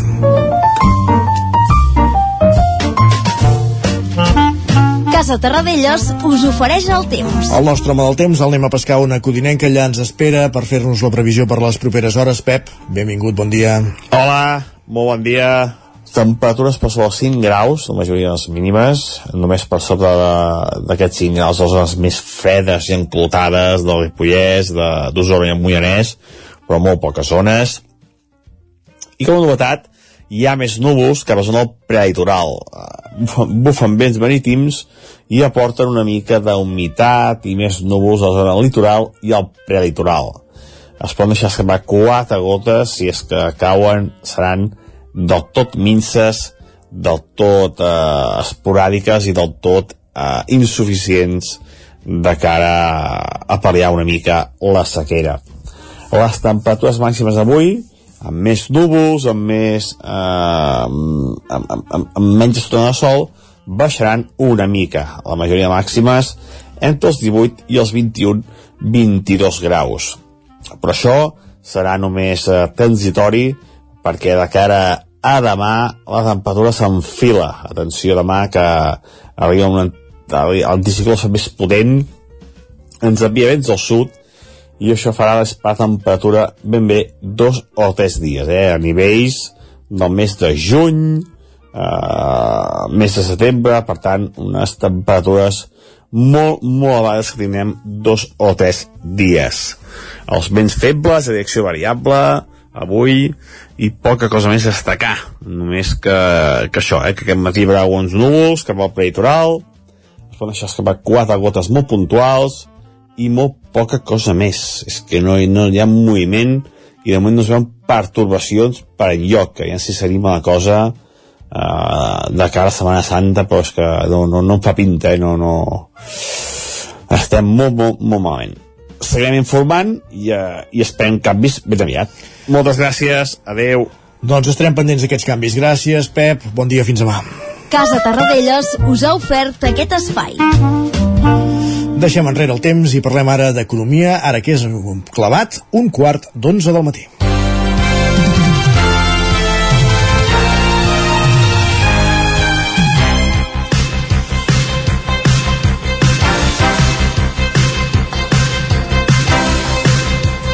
Com cada setmana ens acompanya en Joan Carles Arredondo, el cap d'Economia del 9-9 del Vallès Oriental. Avui ens vol parlar dels bons contingents convertibles, els COCO, pels amics. Joan Carles Rodríguez, benvingut, bon dia. Bon dia. Joan Carles uh, Arredondo, eh? Perdó. Arredondo, sí, sí. Bueno, sí, jo, jo, jo no, no, no, Mira, no digui res. T'he fet, fet alcalde i president del Consell Comarcal d'Osona en poca estona. Què més vols? Massa, massa responsabilitat, ja. um, efectivament, eh? Uh, els bons com, com, contingents convertibles, eh? això en l'argot bancari és molt poco. Això, sí. I sí, aquest, aquest mm, tipus de, de producte financer. Es va, ser, es va fer cèlebre després de la, de la crisi financera, va ser una eina que, que van donar els bancs per um, obtenir el que um, també ho direm en argot seria pasta fresca eh? Uh, diguem-ne que els bancs havien tingut molts problemes de, per respondre, diguem, dels problemes financers que havien, que havien tingut, llavors els van donar instruments per poder captar capital sense necessitat de, eh, de que això fos venda d'accions i es, ara, ara després explicarem una mica com, com va, és un producte una mica una mica fosc, eh? eh és una mica difícil d'entendre diguem-ne que va, va aconseguir el seu, el, el, la seva primera celebritat eh? la, la, la va aconseguir el, amb la crisi financera és una celebritat que per tant no és gaire llustrosa i ara torna a tenir celebri mm, celebritat i tampoc és gaire, gaire llustrosa perquè en la fallida de Credit Suisse de la, de la qual hem anat parlant aquests, en espais anteriors um, aquest, aquest producte ha tornat a ser un, un trist protagonista M més que el producte, els que han estat tristos i també involuntaris protagonistes han estat els que tenien aquests, aquests bons eh? El Banc Central Suís eh, va, des, va prendre la decisió de volatilitzar els diners invertits en els COCO i en, en canvi no fer-ho amb els accionistes eh, diguem-ne que les persones que tenien aquests bons eh, ten, els diners que tenien invertits que en el, en el cas de, de Crèdit Suís després hi aprofundirem però eren 16.000 milions d'euros el que van fer va ser posar el valor d'aquests eh, d'aquests bons a zero i per tant ho han perdut tot eh? Mm -hmm. això se suposa que és el que li passa als accionistes eh? quan, quan un banc fa fallida sí. doncs els primers que, tam- també dir que Margot, els, els primers que llepen eh, són els accionistes mm, però aquesta decisió del Banc Central suís el que ha fet ha sigut capgirar, capgirar completament aquesta jerarquia habitual eh? sempre s'havia dit, per tant, doncs, que les fallides, en, en les fallides els primers a perdre diners eren els accionistes i ara, diguem-ne que s'ha decidit que fossin els que tenen bons que aquests eren els segons que llapaven eh? sí. però, però ara han passat a ser els primers la decisió, per tant, és un cop a la línia de flotació de la tan necessària confiança, sempre, eh? la setmana passada parlàvem d'això, eh? que la confiança és la pedra angular de, del sistema financer, doncs eh, diguem-ne que això, mm, el- el- que et capgirin les regles del, joc, del, del, del joc, no, no, no mitja partida, sinó, sí, sí, sinó allò, eh, en el temps de descompte, eh, diguem-ne que fa qualsevol cosa menys, menys generar confiança, no? Què són aquests bons contingents convertibles? Per explicar-ho cal fer, cal fer un salt en el temps, eh? sí. com explicàvem al principi. eh? El 2008, eh, quan el sistema financer internacional va saltar pels aires amb la fallida de Lehman Brothers, van emergir tota una quantitat ingent d'actius tòxics en els balanços d'una pila de bancs, eh? no, no cal anar gaire lluny.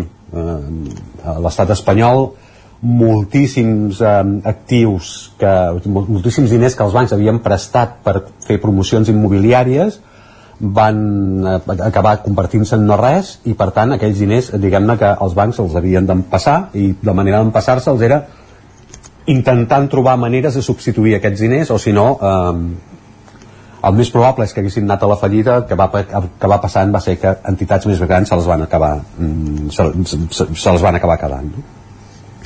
Perquè això no tornés a passar sí. els governs van voler establir mecanismes per evitar mm, que aquestes males gestions acabessin, les acabessin pagant o bé els dipositants eh, o, o, o bé la, la, la, els estalviadors que no tenen cap altre producte que no sigui guardar els diners o més, encara més els contribuents eh, que van ser els que en molts casos mm, van acabar pagant, pagant la, la, la, la, la festa pagant la mala festa en aquest cas no? Uh, I així és com es dissenya un producte amb el qual els bancs obtenen finançament sense haver d'ampliar capital. Eh? És, és un producte a mig camí entre el deute, perquè els bancs, diguem-ne que uh, ho, ho paguen com, com, si, com, com, com si tu els prestessis diners i per tant et paguen interessos, Mm, però també eh, està, mm, forma part del capital perquè en el cas que un banc entrés en dificultat en una dificultat financera aquests bons es convertirien immediatament en accions i d'aquesta manera diguem-ne que renforteixen eh, el capital dels bancs Eh, d'aquí ve contingents convertibles eh? Eh, si es dona una contingència determinada aquests bons es, com, es converteixen en accions la solució havia estat eh, aproximadament ben rebuda, eh? després explicarem una mica què, què és aquesta bona rebuda. rebuda. Els que ho van rebre millor van ser els bancs, eh? perquè, perquè diguem-ne que tenia aquesta capacitat de tenir pasta fresca, eh? diguem-ne, i, i, i en cas de dificultat mm, trobar de seguida una manera de, de poder cobrir, diguem-ne, aquelles pèrdues. No? Però també els inversors, eh? Per la banca tenia aquestes regulacions, aquest, una manera de complir les, la, la, la, les um, regulacions posteriors a la crisi financera que eren molt més dures i pels inversors era una eina que oferia un tipus d'interès més elevat i en cas que es, torne, que es, que es torcés es quedava, es quedava el consol que com a mínim disposarien de capital en forma d'accions eh? amb la decisió del Banc Central Suís aquesta lògica salta pels aires 16.000 milions d'euros amb, amb bons coco eh, que tenien aquests inversors han quedat reduïts al no res Carai. i en canvi els accionistes han rebut una compensació perquè els títols A que sobre. tenien a Crèdit Suís eh, sí, tots aquests han passat a ser accions és veritat que per cada 22 ac- si tens una acció de, de USB que és l'entitat que ha comprat el Crèdit Suís una acció per cada 22 de Crèdit Suís i han perdut però com a mínim han salvat 3.500 milions d'euros home, no és poc, eh? Les autoritats bancàries, financeres i polítiques europees van córrer eh, a declarar que la Unió Europea es mantenia inalterable l'estat de les coses, eh? que si cau un banc, els diners obtinguts, eh, o sigui, els primers a, pagats, a pagar seran els accionistes. I, i que només, eh, si no n'hi ha prou amb els diners obtinguts per aquest mecanisme, eh, la, la, de fer emergir, diguem-ne, fer perdre els diners als accionistes, entrarien en accions els tenidors dels cocos, i després deute subordinat, etc fins a arribar al dipositant. I en última instància, eh, diguem-ne que aportació pública, però diguem-ne que com a mínim tens molts més tallafocs que no, no fan necessari que, que, que els diners del contribuent vagin a salvar bancs. No? Uh -huh. um, és prou sabut de tota manera que els fets perduren més que les paraules i el que ha passat en realitat ha sigut a, a Suïssa que els, els que han pringat, diguem-ne, són els, són els que tenien cocos i no pas els accionistes i clar, diguem-ne que Suïssa no és gaire lluny no, no, és No, veritat no. que no forma part de la Unió Europea però diguem-ne que està a Europa, eh, Suïssa Sí, sí. Eh, clarament a més ben bé al mig eh? um, en part eh, aquest, aqu- aquesta por que això que va passar a Suïssa passi a les fronteres de la Unió Europea, no? traspassi les fronteres de la Unió Europea, és l'explicació mm, que la, passada, la setmana passada hi hagués un càsting notable a les cotitzacions borsàries de la banca. Eh, el temor que expressa aquesta evolució s'ha d'aclarir sempre, eh, que mm, quan analitzes mm, el comportament de la borsa s'han de posar molts matisos perquè diguem-ne que ja el comportament de les borses és molt nerviós i per tant s'han de posar molts matisos. Però sí que expressa un temor que, eh, que, que la banca hagi de compensar amb un tipus d'interès més elevat les emissions de bons coco que faci a partir d'ara, perquè evidentment un accionista, un, un, un inversor que diu, diu que està assumint més risc, el que farà és eh, bueno, pa- pagar amb el millor, eh? I ja s'està parlant de que fins i tot eh, els bancs hauran de donar tipus d'interès per sobre el 10% eh? per, en, els que, en els que comprin aquests, aquests bons tot i no ser la, exactament la mateixa situació però per, perquè una mica es pugui entendre eh, el resultat eh, final és anàleg al que havia passat any, els anys de la crisi amb, amb allò que es deien participacions preferents eh? sí. com els COCO aquell producte financer era deute a perpetuïtat perquè no tenen temps de venciment i suposadament la liquiditat s'aconsegueix amb la venda d'aquella participació a un tercer inversor en el moment en què va saltar la desconfiança eh, no hi havia manera de col·locar aquelles participacions Mm, cap, no, cap, cap inversor no les comprava no? i per tant era com, com quan vas a comprar al mercat i el tens tancat eh, que no pots comprar res, no? diguem-ne i mm, això va obligar els bancs a buscar altres solucions també van ser conversions en accions deutes en períodes de venciment llarg mm, el que tingués participacions preferents deu saber de què estic parlant sí. a diferència dels COCO, aquells productes s'havien comercialitzat entre inversors particulars, eh? i que això és, que era l'element més criticable, diguem-ne, en aquell moment. No? En principi, els, els, els COCO eh, són productes destinats a inversors institucionals, eh? és a dir, a, a inversors ja pro- professionals, diguem-ne, no? que coneixen millor el risc que assumeixen. El problema, en aquest cas, és que el canvi de regles, de moment només a Suïssa, eh, ha suposat un risc addicional. La fórmula dissenyada mm, després de la crisi financera dèiem això, eh? havia, havia, mm, havia agradat als, in- als inversors perquè van, havia tingut una capacitat de captar 275.000 milions de dòlars. A Europa són 73.000 milions d'euros Uh -huh. uh, i a l'estat espanyol més de 22.000. Aquí ens apuntem de seguida. Eh? El carro, evidentment. A qualsevol moda, perquè de, de, de la Unió Europea 73.000 milions, 22.000 a l'estat espanyol, déu nhi Que numerant, i segons dades de- d'Europa Press, que cita el Mundo, uh, lidera aquesta eina el Banc de Santander, uh, 7.800 milions, CaixaBank i el BBVA en tenen com 5.000, Uh, el Banc Sabadell 1.750 i xifres menors eh, tenen hi, ha, hi ha Coco, d'Ibercaja, Banc Inter, Abanca i Unicaja eh? en alguns casos la lletra petita de les emissions a més, eh, Santander, Unicaja i Abanca sí. eh, adverteixen la possibilitat que en determinades circumstàncies els bons quedin reduïts a zero, que és el que ha passat a Suïssa. Correcte. És veritat que en el cas del Santander, per exemple, són per cocos que es van emetre a, a, al Regne Unit, però això també pot passar. Doncs el que dèiem, eh, si el sistema financer requereix sobretot confiança, les circumstàncies actuals, diguem-ne, no són de gran ajuda, perquè no és la millor manera de generar confiança que les regles del joc d'una eina que es va idear per evitar que es repetissin algunes de les pitjors conseqüències de la crisi es revisin precisament quan aquests eh, quan s'havia de posar a prova l'eficàcia és a dir, no s'ha pogut posar a prova si els cocos salven de crisis perquè el que han fet ha sigut carregar-se els cocos i, I, i sa- salvaguardar els accionistes no? I de, o sigui que no genera gaire confiança això Gràcies, Joan Carles, fins la setmana que ve. Déu que vagi bé El nou FM, la ràdio de casa, al 92.8. Mercat del Ram. Un ramat de mercats.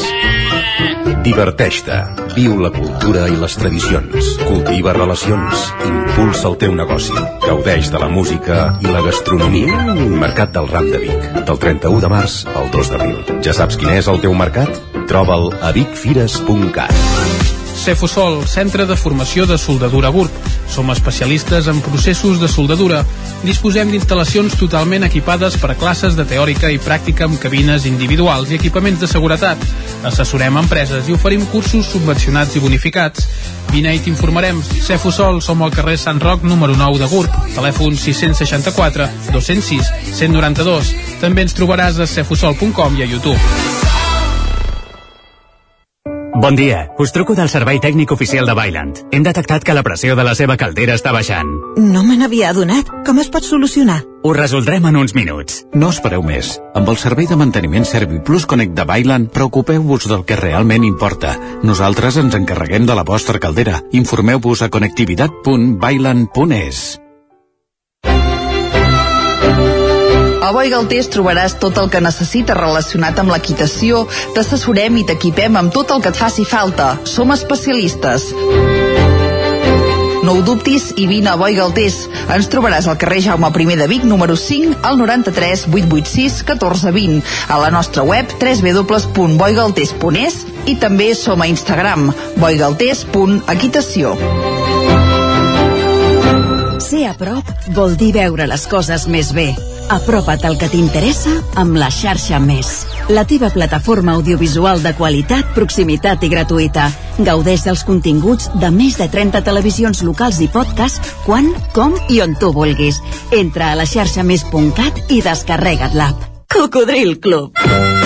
Si t'agrada la bona música dels anys 60, 70 i 80, escolta el 9 FM els matins de dissabtes i diumenges d'11 a 1.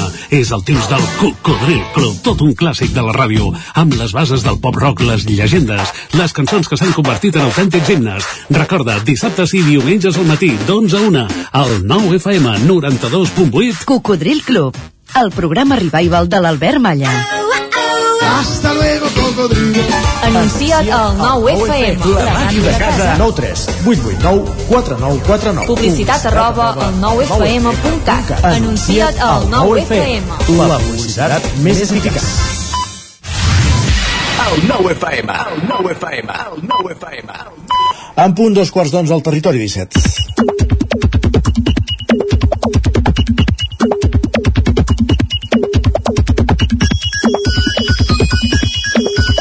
Recta final del programa d'avui, recta final, darrera mitja hora, diguéssim, tots entrem a la darrera mitja hora, comencem amb les privades, després vindrà el territori dona, primer de tot doncs saludem en Guillem Sánchez i el tenim a punt als estudis del 9FM, Guillem, benvingut, bon dia. Què tal, què tal, com estem, com estem?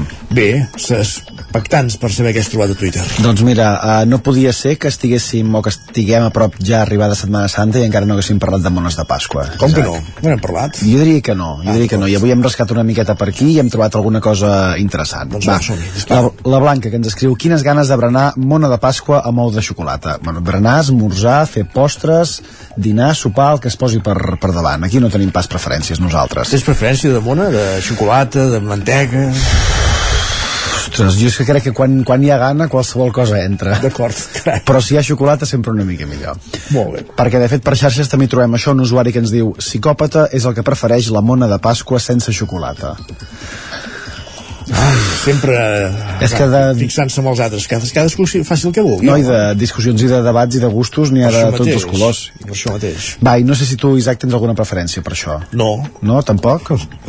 jo també som molt de xocolata o de trufa fins i tot sí. va, bona, i atenció a la història que ens comparteix l'Ester arran d'això, diu, avui en una cafeteria dues dones i un nen d'uns 5 o 6 anys a la taula del costat parlaven de les festes de Setmana Santa.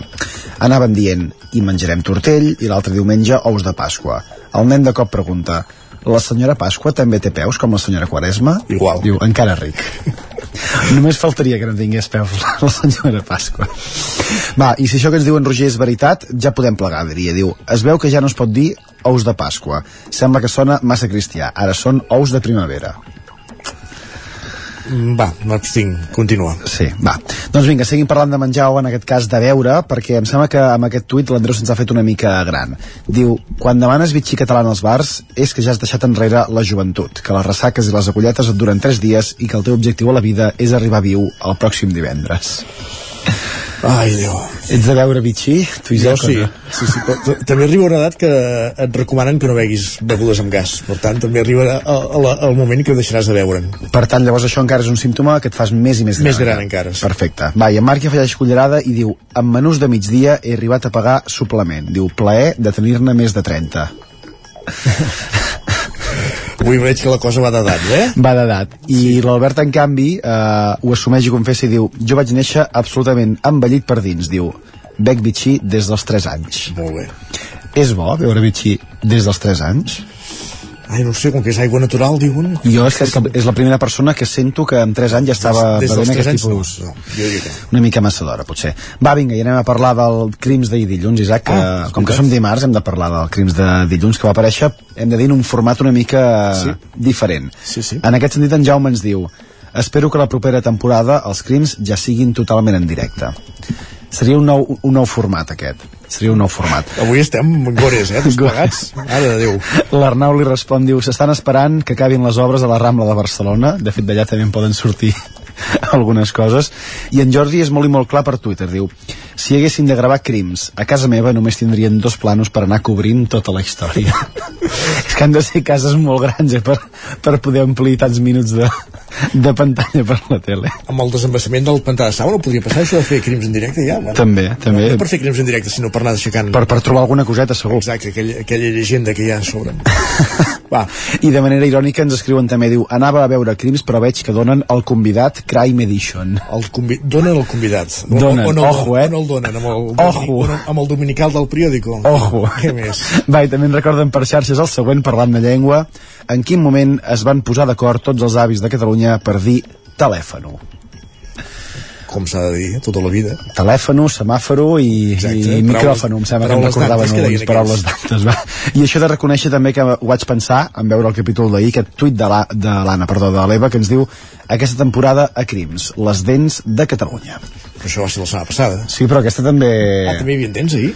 Uh, Ah, perquè per obrir, per obrir portes. per obrir portes, per obrir portes. Va, i una aportació més, la d'aquest usuari que, atenció, diu, he, uh, ha començat crims, però el que de debò és un crim és que parteixin el capítol en dos. Es podrien haver estalviat molta cosa. No sé com es quedarà aquest sí, usuari, Molta, moltes pauses es poden estalviar, està, és veritat. però el que no sé com es quedarà aquest usuari és quan sàpiga que, que aquest capítol l'han dividit no en dues parts, En tres. sinó en tres. per tant, encara ens queda una mica de, Sí, sí, és que només vam explicar el cas, no vam explicar res de la investigació encara, imagina't. Per això, doncs, encara ens queden uns quants planos, em sembla, de casa de- d'en de, Jordi i de, la, i de la Montse que els haurem d'anar que els haurem d'anar veient. Doncs gràcies, Guillem. Va, que vagi molt bon dia.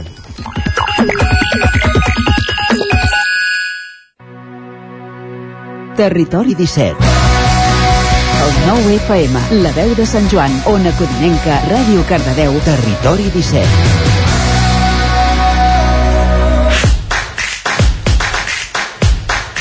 I al territori 17, la darrera part dels dimarts la dediquem al territori dona. Saludem sense més la Maria López, que ja ens espera als estudis de Ràdio Televisió Cardedeu. Maria, bon dia, benvinguda. Molt bon dia, Isaac. I sí, efectivament, aterrem de nou amb el territori dona, aquesta tertúlia batallera i crítica dels dimarts que pretén posar sobre la taula tota la tasca que ens queda per fer per apropar-nos cada dia a una societat menys desigual entre homes i dones. I el territori dona d'avui, i amb l'objectiu també de ser una mica crítiques amb nosaltres mateixes com a comunicadores, avui volem parlar d'un llibre que fa tan sols una setmana que ja podeu trobar a les vostres llibreries. Ens referim al llibre Qui parla, qui calla, d'Eumo Editorial, un llibre on Irene Llúfera, Estrella Montolio i Elisa Rosado analitzen la desigualtat de gènere en la comunicació. Les tres expertes en anàlisi del discurs denuncien la desigualtat de gènere que es dona en situacions quotidianes i en contextos familiars, educatius, professionals i fins i tot en els àmbits com els de la salut i la justícia. I ens presenten idees, mecanismes i recursos per canviar la manera en què ens relacionem i afavorir la igualtat des de la comunicació. Així que per parlar de comunicació no sexista i precisament conèixer alguns d'aquests recursos, amics i amigues comunicadores, agafeu paper i boli, perquè avui ens acompanya la tertúlia del Territori Dona la Irene Llúfera. Ella és lingüista, consultora en comunicació i professora associada al Departament d'Educació Lingüística i Literària de la Universitat de Barcelona i és també una de les tres autores del llibre. Bon dia, Irene. Hola, bon dia, què tal?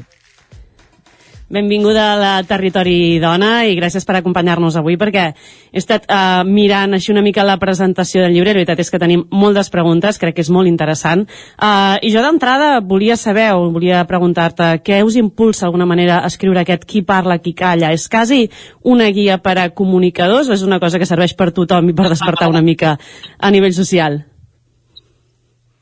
Aviam, la veritat és que la intenció és que serveixi per tothom, no és un llibre pensat per persones expertes en, en cap sentit, sinó que és una proposta, per una banda, de descriure una miqueta el nostre panorama comunicatiu des d'aquest punt de vista de la igualtat o de la desigualtat entre dones i homes, i la veritat és que el, el llibre parteix d'un altre llibre, és com una, com una conseqüència del fet d'haver participat, sí. nosaltres, nosaltres tres, amb, amb el llibre que va coordinar la Carme Junyent, el Som lingüistes, som dones, som moltes i diem prou, també Déu-mo, que era un llibre que reflexionava sobre les debilitats o sobre els límits de tot el moviment del llenguatge inclusiu o del llenguatge no sexista.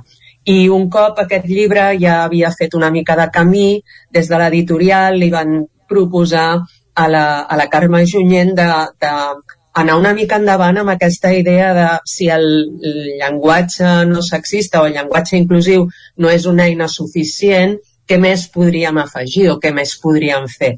I la Carme va comentar que la perspectiva més del discurs, de tenir en compte no només el codi lingüístic, sinó tot el context de les interaccions comunicatives, podia ser una aportació interessant. I aleshores ella ens, ens va contactar les persones que en aquell llibre anterior havien participat una mica des d'aquesta perspectiva per proposar-nos d'ampliar-la. I la veritat és que ho hem fet encantades perquè eh, fa temps que pensem sobre aquestes qüestions, que fem formacions i teníem tot un coneixement que ha estat un plaer, la veritat, poder aplegar. Ara, fa un momentet comentaves el tema del llenguatge inclusiu, no? Jo crec que això és un dels temes que des dels mitjans de comunicació se'n generen molt, molts dubtes. A nosaltres, personalment, sobretot com fem eh, programes més, potser amb una intenció més clara no? a nivell de valors o adreçats també a gent més jove és una cosa que intentem uh, incloure molt però tot i així sempre, sempre ens sorgeixen dubtes no? de, de com, què, què, què vol dir exactament o quina és la manera correcta d'aplicar un llenguatge inclusiu? Hem de passar a parlar sempre en femení o, o en tercera persona, en gènere neutre? Sempre tenim molts dubtes. No sé si en aquest sentit també entreu en el llibre o, o teniu una orientació pels comunicadors i comunicadores. La veritat és que no, en aquest sentit, eh, a veure, els dubtes una miqueta els hem d'acceptar, hem de, considerar-los gairebé com inevitables perquè la proposta de llenguatge inclusiu és una proposta de modificar elements, maneres de fer amb el llenguatge que tenim interioritzades des d'edats molt, molt primerenques. Aleshores, canviar hàbits que fa tant de temps que tenim interioritzats és molt complicat. Aleshores, jo per això penso que Pensem que en, en, en alguna mena de discursos més planificats, més oficials, potser pots controlar més aquestes qüestions, però quan estàs parlant d'una manera més espontània és normal que, apare que apareguin dubtes, perquè de fet quan parlem no estem pensant en quin temps de passat faig servir ara o quin morfema de gènere faig servir ara, tot això ho tenim automatitzat. I començar a modificar això costa molt. Després també és veritat que en moltes ocasions el que, el que contemplem, el que observem, és que de vegades és molt fàcil també arribar a automatitzar algunes de les propostes del llenguatge inclusiu, com ara podria ser el desdoblament, i aleshores desdoblar sistemàticament sense que això en realitat impliqui un canvi en la nostra perspectiva. No? Hi ha persones que tenen actituds molt sexistes i que en determinats contextos poden desdoblar, amb això ja es posen una mena de medalleta i tirant endavant amb actituds que no, no, no es corresponen amb una voluntat d'impulsar una igualtat més, eh, més equitativa entre, entre dones i homes. No? Per tant, no, nosaltres en aquest llibre no entrem en la qüestió del llenguatge inclusiu, sí que ensenyalem una miqueta aquestes limitacions. També reconeixem alguns avenços, no? per exemple, el fet d'anomenar en femení les professions de les dones, els càrrecs, doncs ens sembla que això sí que s'ha generalitzat, no? però més aviat anem a dibuixar aquest panorama de què ens trobem les persones comunicativament i quines diferències ens trobem en la nostra activitat comunicativa pel fet de ser dones o ser homes. Uh, anem a parlar, si et sembla, del títol, perquè crec que ja porta, ja, ja diu molt, uh, perquè aquest qui parla i qui calla, aquesta selecció de qui té el torn de paraula o a qui s'escolta de veritat, porta implícit més sexisme que fins i tot el propi llenguatge quan no és inclusiu, no? Sí, sí, per mi això és, és absolutament cert, no? Aviam, penso que el títol ja eh, volíem trencar una mena d'estereotip, no? Penso que és, és habitual trobar, eh, trobar-te amb la idea que les dones xerrem molt, que xerrem pels descosits, que parlotegem una mica, no? Aquesta cosa de uf, és que eh, s'enrotllen molt i xerren molt entre elles, no? Clar, aquest estereotip, en tot cas, si té algun, algun lloc, si té algun àmbit, podria ser l'àmbit domèstic. A l'àmbit domèstic hi ha dones que parlen molt i hi ha dones que parlen poc, doncs, normal, com, com qualsevol persona, no? Ara, quan pensem en l'àmbit públic, que és un àmbit que en aquest llibre ens ha interessat molt, encara veiem que persisteix una antiquíssima vinculació entre les dones i el silenci. No?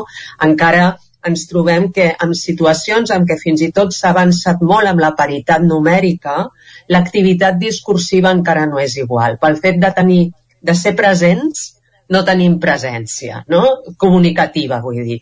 És a dir, hi ha el fet de la diferència en l'escolta no? d'una veu masculina respecte d'una veu femenina. Hi ha qüestions que tenen a veure amb la nostra educació, l'educació de les dones, com se'ns ha educat per ser sempre amables, per intentar evitar el conflicte, per intentar eh, ser molt mm, poc preeminents, no? ser molt poc, eh, cridar molt poc l'atenció, no? que tot això d'una manera que ens resulta gairebé imperceptible, gairebé inconscient, ens va com deixant de la banda del silenci, no? Comentaves ara el com se'ns ha educat sempre i amb aquest sempre vaig directament a, a un dels altres temes que tracteu, que és precisament aquest tracte desigual des de que som nadons ja. O sigui, d'alguna manera sembla que aquesta educació diferenciada ja des de, des de ben petits, eh? Sí, sí, sí, fins i tot des d'abans de néixer, no? Uh, si, si seguim la Gina Rippon, que és eh, una neurocientífica que per nosaltres ha estat molt, molt interessant conèixer, eh, doncs ella parla d'aquesta importància de, abans de néixer de saber si som un nen i una nena i tot el que això comporta i arrossega, no? Però sí, sí, efectivament hi ha idees, no? Per exemple, que les nenes eh, accedeixen al llenguatge, són millors amb llenguatge que els nens a determinades edats i que els nens, en canvi, tenen més habilitats motrius que no pas lingüístiques, no? I aquí, doncs, s'ha observat que també hi ha, la, hi ha la cultura que intervé, no? En el llibre també posem molt en qüestió totes aquestes diferències pel que, pel que fa a la comunicació que s'expliquen per causes biològiques, no? No, segurament hi ha un, un element biològic que pot incidir fins a un cert punt, però el que és veritat és que sobre els elements biològics culturalment hi afegim moltíssimes, moltíssimes, moltíssim pes, no? Aleshores, sí, eh, des de ben petites a les nenes això ara es pot estudiar i es, es fan proves, se'ns parla en frases més llargues, se'ns parla més, no? i no és que innatament tinguem més facilitat per accedir al llenguatge, sinó que l'entorn ens ho posa més fàcil. En canvi, motriument, els nens són més estimulats. No? Tot això són petites diferències, però clar, són petites diferències que ens van construint, no? que ens van estructurant com a éssers comunicatius o com a éssers socials, com a éssers que ens movem. No? Sí. Aquí Cardedeu, de fet, eh, fa, fa uns anys, eh, quan es va començar el projecte de Cardedeu Coeduca, es va fer un experiment a les, a les llars d'infants amb els educadors i educadores i precisament consistia en que van fer com dos grups eh, on, on tenien cadascú com un nadó de plàstic no? i havien de fer cinc eh, fotos simulant cinc moments d'èxit en la seva vida no? i una evidència, un dels nadons de plàstic era suposadament un noi un nen i l'altre una nena, no? I la curiositat va ser que la culminació després d'aquestes cinc fotografies de la vida del noi, era, del nen, era relacionada amb un tema laboral, no? Un èxit i envoltat de gent que l'estimava, i la culminació de la vida d'ella era amb la maternitat. Dir, això ja va posar, fa uns anys això, però d'alguna manera va fer evident, quan ho van posar en comú, eh, amb els mateixos educadors i educadores, com sense voler estaven transmetent aquesta, aquestes diferències ja amb nadons, eh? Esclar. Sí, sí, fins i tot s'ha vist no? un, un, mateix, un mateix nadó vestit d'un color o d'un altre rep un tracte diferent no? per persones que no saben, no, no veuen més que la roba que porta. No? El tracten i s'hi adrecen de manera diferent. No? Això al llarg dels anys, van passant els anys i continua tot plegat. No? Continua, per exemple, eh, concretant-se amb de què ens parlen, no? de què ens parlen a les dones, de què, ens parla, de què els parlen els homes, per exemple, persones desconegudes. No? Eh, ara fa uns mesos fent una formació va ser molt interessant perquè una funcionària que atenia, treballava de cara al públic, ens deia que des de feia un temps s'havia imposat una petita norma, una, un petit canvi en la seva manera de fer, i és que quan l'usuari que s'asseia davant d'ella era un home, li preguntava per la família, pels nens, i quan la persona que s'asseia era una dona, li preguntava per la feina, no? I deia, és un petit canvi, no? No, no calen... En el, en el llibre també pretenem això, no? Que les propostes siguin petits canvis que podem assumir, que no ens converteixen en altres persones, ni molt menys, no? sinó petits, petits impulsos que podem donar a la igualtat des de la comunicació.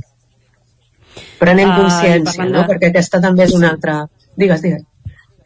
No, no, perdona, no, comentaves ara prenent consciència ah. fent aquests petits uh, canvis. Exacte. Exacte, ara perquè de, de fet de... el que és... Digues, perdona, que t'he tallat. No, acabo la frase només. Mira, sí, que, sí, sí, sí. El, que el que és fonamental és tenir consciència que si volem canviar alguna cosa, primer l'hem de conèixer. No? Hi ha moltíssima, moltíssims elements de les nostres interaccions comunicatives que hem naturalitzat, que hem normalitzat i que per tant ara ja no ens n'adonem, ja no les veiem. No? Una miqueta el llibre també pretenia com descriure aquest panorama de tal manera que jo penso que moltes persones que llegiran el llibre diran oi tant que fem això, no? Sense adonar-nos, oi tant, i, i començaran a fixar-se i a veure més d'aquests elements, no? Aquesta és l'esperança que tenim, la intenció que tenim aquest primer pas d'autocrítica. Deia, parlaves de, de comunicació eh, i evidentment entren també en joc a les xarxes socials, perquè de fet, també afirmeu que els algoritmes, els algoritmes també són sexistes. A què es refereix exactament això? Parlem d'aquells algoritmes, entenc que xarxes socials fan que t'apareguin unes coses o altres, eh? Doncs mira, eh, la qüestió és que els algoritmes que fan funcionar, per exemple, la intel·ligència artificial, són alimentats amb les dades que tenim, que tenim a la xarxa, per exemple, no? i eh, és inevitable que dintre d'aquests elements amb els quals els alimentem hi hagi també els biaixos de gènere que tenim en el món no virtual, no? en el món real, per dir-ho així. I, i aleshores ens podem trobar coses força divertides. Això no, no ho hem posat al llibre perquè ho hem sabut més tard, no? però per exemple fa uns dies eh, teníem eh, notícia d'una conversa amb el famós xat GPT, no? Que deia una cosa del tipus mm, eh, Rafa Nadal és el tenista amb més eh, premis de Gran Slam en té, i ara m'invento el número, perdoneu, perquè no el sé, en té 20 no sé quants, no? I aleshores la persona que està fent servir el xat GPT pregunta i quants en té Serena Williams, no? I xat GPT contesta que en té més, no? Que són aquests viatges, no? quan preguntem pel tenista doncs apareix el, el Rafa Nadal o un altre, un altre cas d'una de, de nosaltres, en aquest cas de l'estrella Montolio, que estava fent servir una eina digital que genera imatges i li havia demanat someone with a confused face, no? algú que fa una cara estranya mentre tal cosa, no? I li van aparèixer nou imatges de nou senyors amb corbata. No? Someone és interpretat com una forma per parlar només en, dels homes. És, dir, tots aquests, aquests eh, algoritmes tenen els mateixos estereotips que tenim doncs, les persones en, en el món real, no? I això es nota. D'una altra banda, en el llibre també entrem en una altra qüestió que és molt preocupant des de fa més anys, que és la qüestió de, de fins a quin punt les dones patim violència quan prenem la paraula a les xarxes, també, no? O biaixos menys, potser menys punyents, no? com el fet que les nostres piulades són molt menys retuitejades, repiulades que les dels nostres col·legues homes. Com si el nostre, les nostres frases tinguessin menys pes, eh? Exacte, exacte. I així és el que, torna, el que dèiem fa una mica, no? Que així anem quedant com una mica més silenciades, com una mica més en silenci. Un altre dels punts claus... Sí, un altre dels punts claus del llibre és la, la discriminació, precisament als, als llocs de treball. Fa dues setmanes aquí a Territori Dona parlàvem del lideratge femení i de fins a quin punt la societat està ara més preparada o no per tenir líders dones. Estem encara encallats en aquesta mentalitat de l'home autoritari preparat per l'acció i per dirigir el grup i la dona cuidadora que espera o en aquest sentit les noves sistemes, les noves empreses ja comencen a fer un, un canvi? Jo diria que en cap dels elements que descrivim en el llibre estem encallats, eh? Així, nosaltres, eh, les, les tres bon punt de partida. optimistes i valorem que, que hi ha hagut molts canvis i que estem avançant i que aquest, aquesta idea d'observar la comunicació és, és com un, un impuls més dintre de tot aquest canvi que s'està produint i que pensem que en aquest sentit hem de ser eh, optimistes. Eh, Espera, que m'he oblidat del que em pregunta. Ah, del el lideratge. La qüestió del lideratge és molt complicada, realment, no? Perquè és com si eh, les dones haguéssim entrat, no? entrant en, en, en el món de les grans empreses o arribant a l'acadèmia, doncs a les universitats, per exemple, no? com si haguéssim arribat de convidades a un món que, que, que és d'ells. No? Aleshores, Aquí encara ens queden molts canvis per fer, però no és que no s'hagi avançat. Efectivament, hi ha moltes empreses ja no? que estan intentant eh, recuperar o, o, o posar en valor tot el talent femení, perquè una, una de les qüestions del, del silenciament amb, amb, amb llocs de treball és que es perden grans idees, es perden coneixements, no? perquè hi ha moltes dones que saben que segons en quin moment prenguin la paraula, que segons eh, el temps que esmercin per expressar allò que volen dir, que segons com ho expressin, si són més assertives del que eh, des del punt de vista del que és el mandat de gènere haurien de ser, doncs són castigades, no? Són castigades de maneres diferents, amb comentaris, eh, amb, amb actituds de, dels equips que porten, no? És a dir, que hi ha molt a fer. Això no vol dir que no que estiguem encallats, estem en marxa.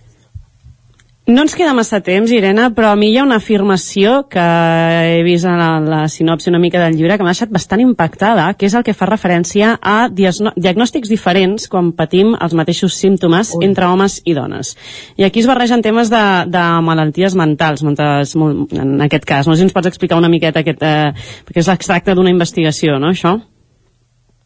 Sí, de fet, eh, també ja fa temps que s'està investigant molt sobre aquesta relació entre el sexe de les persones i el sistema sanitari, no?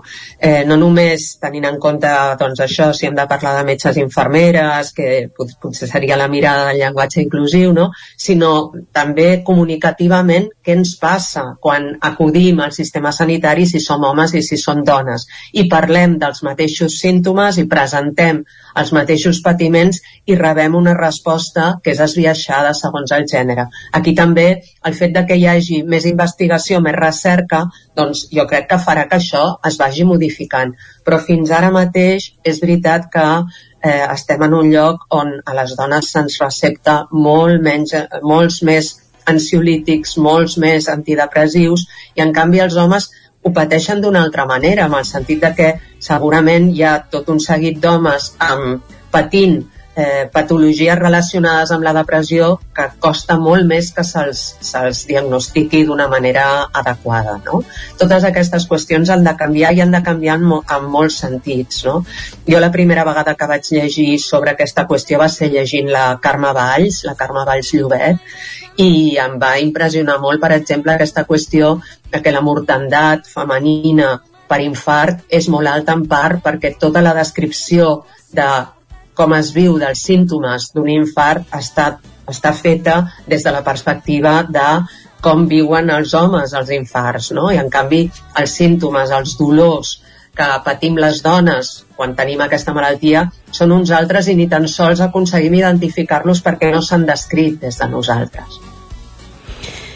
Importantíssim i interessantíssim totes aquestes eh, interessantíssimes totes aquestes qüestions que ens eh, comentava avui, ens comenta avui la Irene Llufera. Moltíssimes gràcies, Irene, ja sabeu, a una de les autores del llibre qui calla, qui parla, on uh, podeu llegir molt més de tot això que hem comentat avui. Uh, moltíssimes gràcies, Irene, de veritat, per acompanyar-nos al territori moltíssimes de gràcies a vosaltres. Un plaer. I per tancar el territori dona d'avui, Isaac, et torno al relleu, ja saps, amb música de la bona, per tancar. I avui estem escoltant Respira, del Diluvi, amb la col·laboració de Roba Estesa, Gemomet i la SUP. Colze creix la força, de futur som el present. Cada crit, cada punt, cada emoció ens ha portat a ser com som. Respira,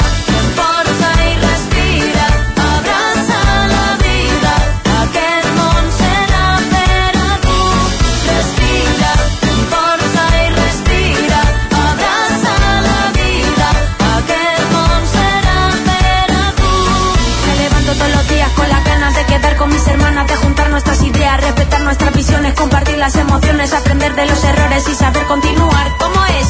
Siempre rebelde, pisando fuerte, la vida está cambiando, pero nuestro es el presente, nunca obediente.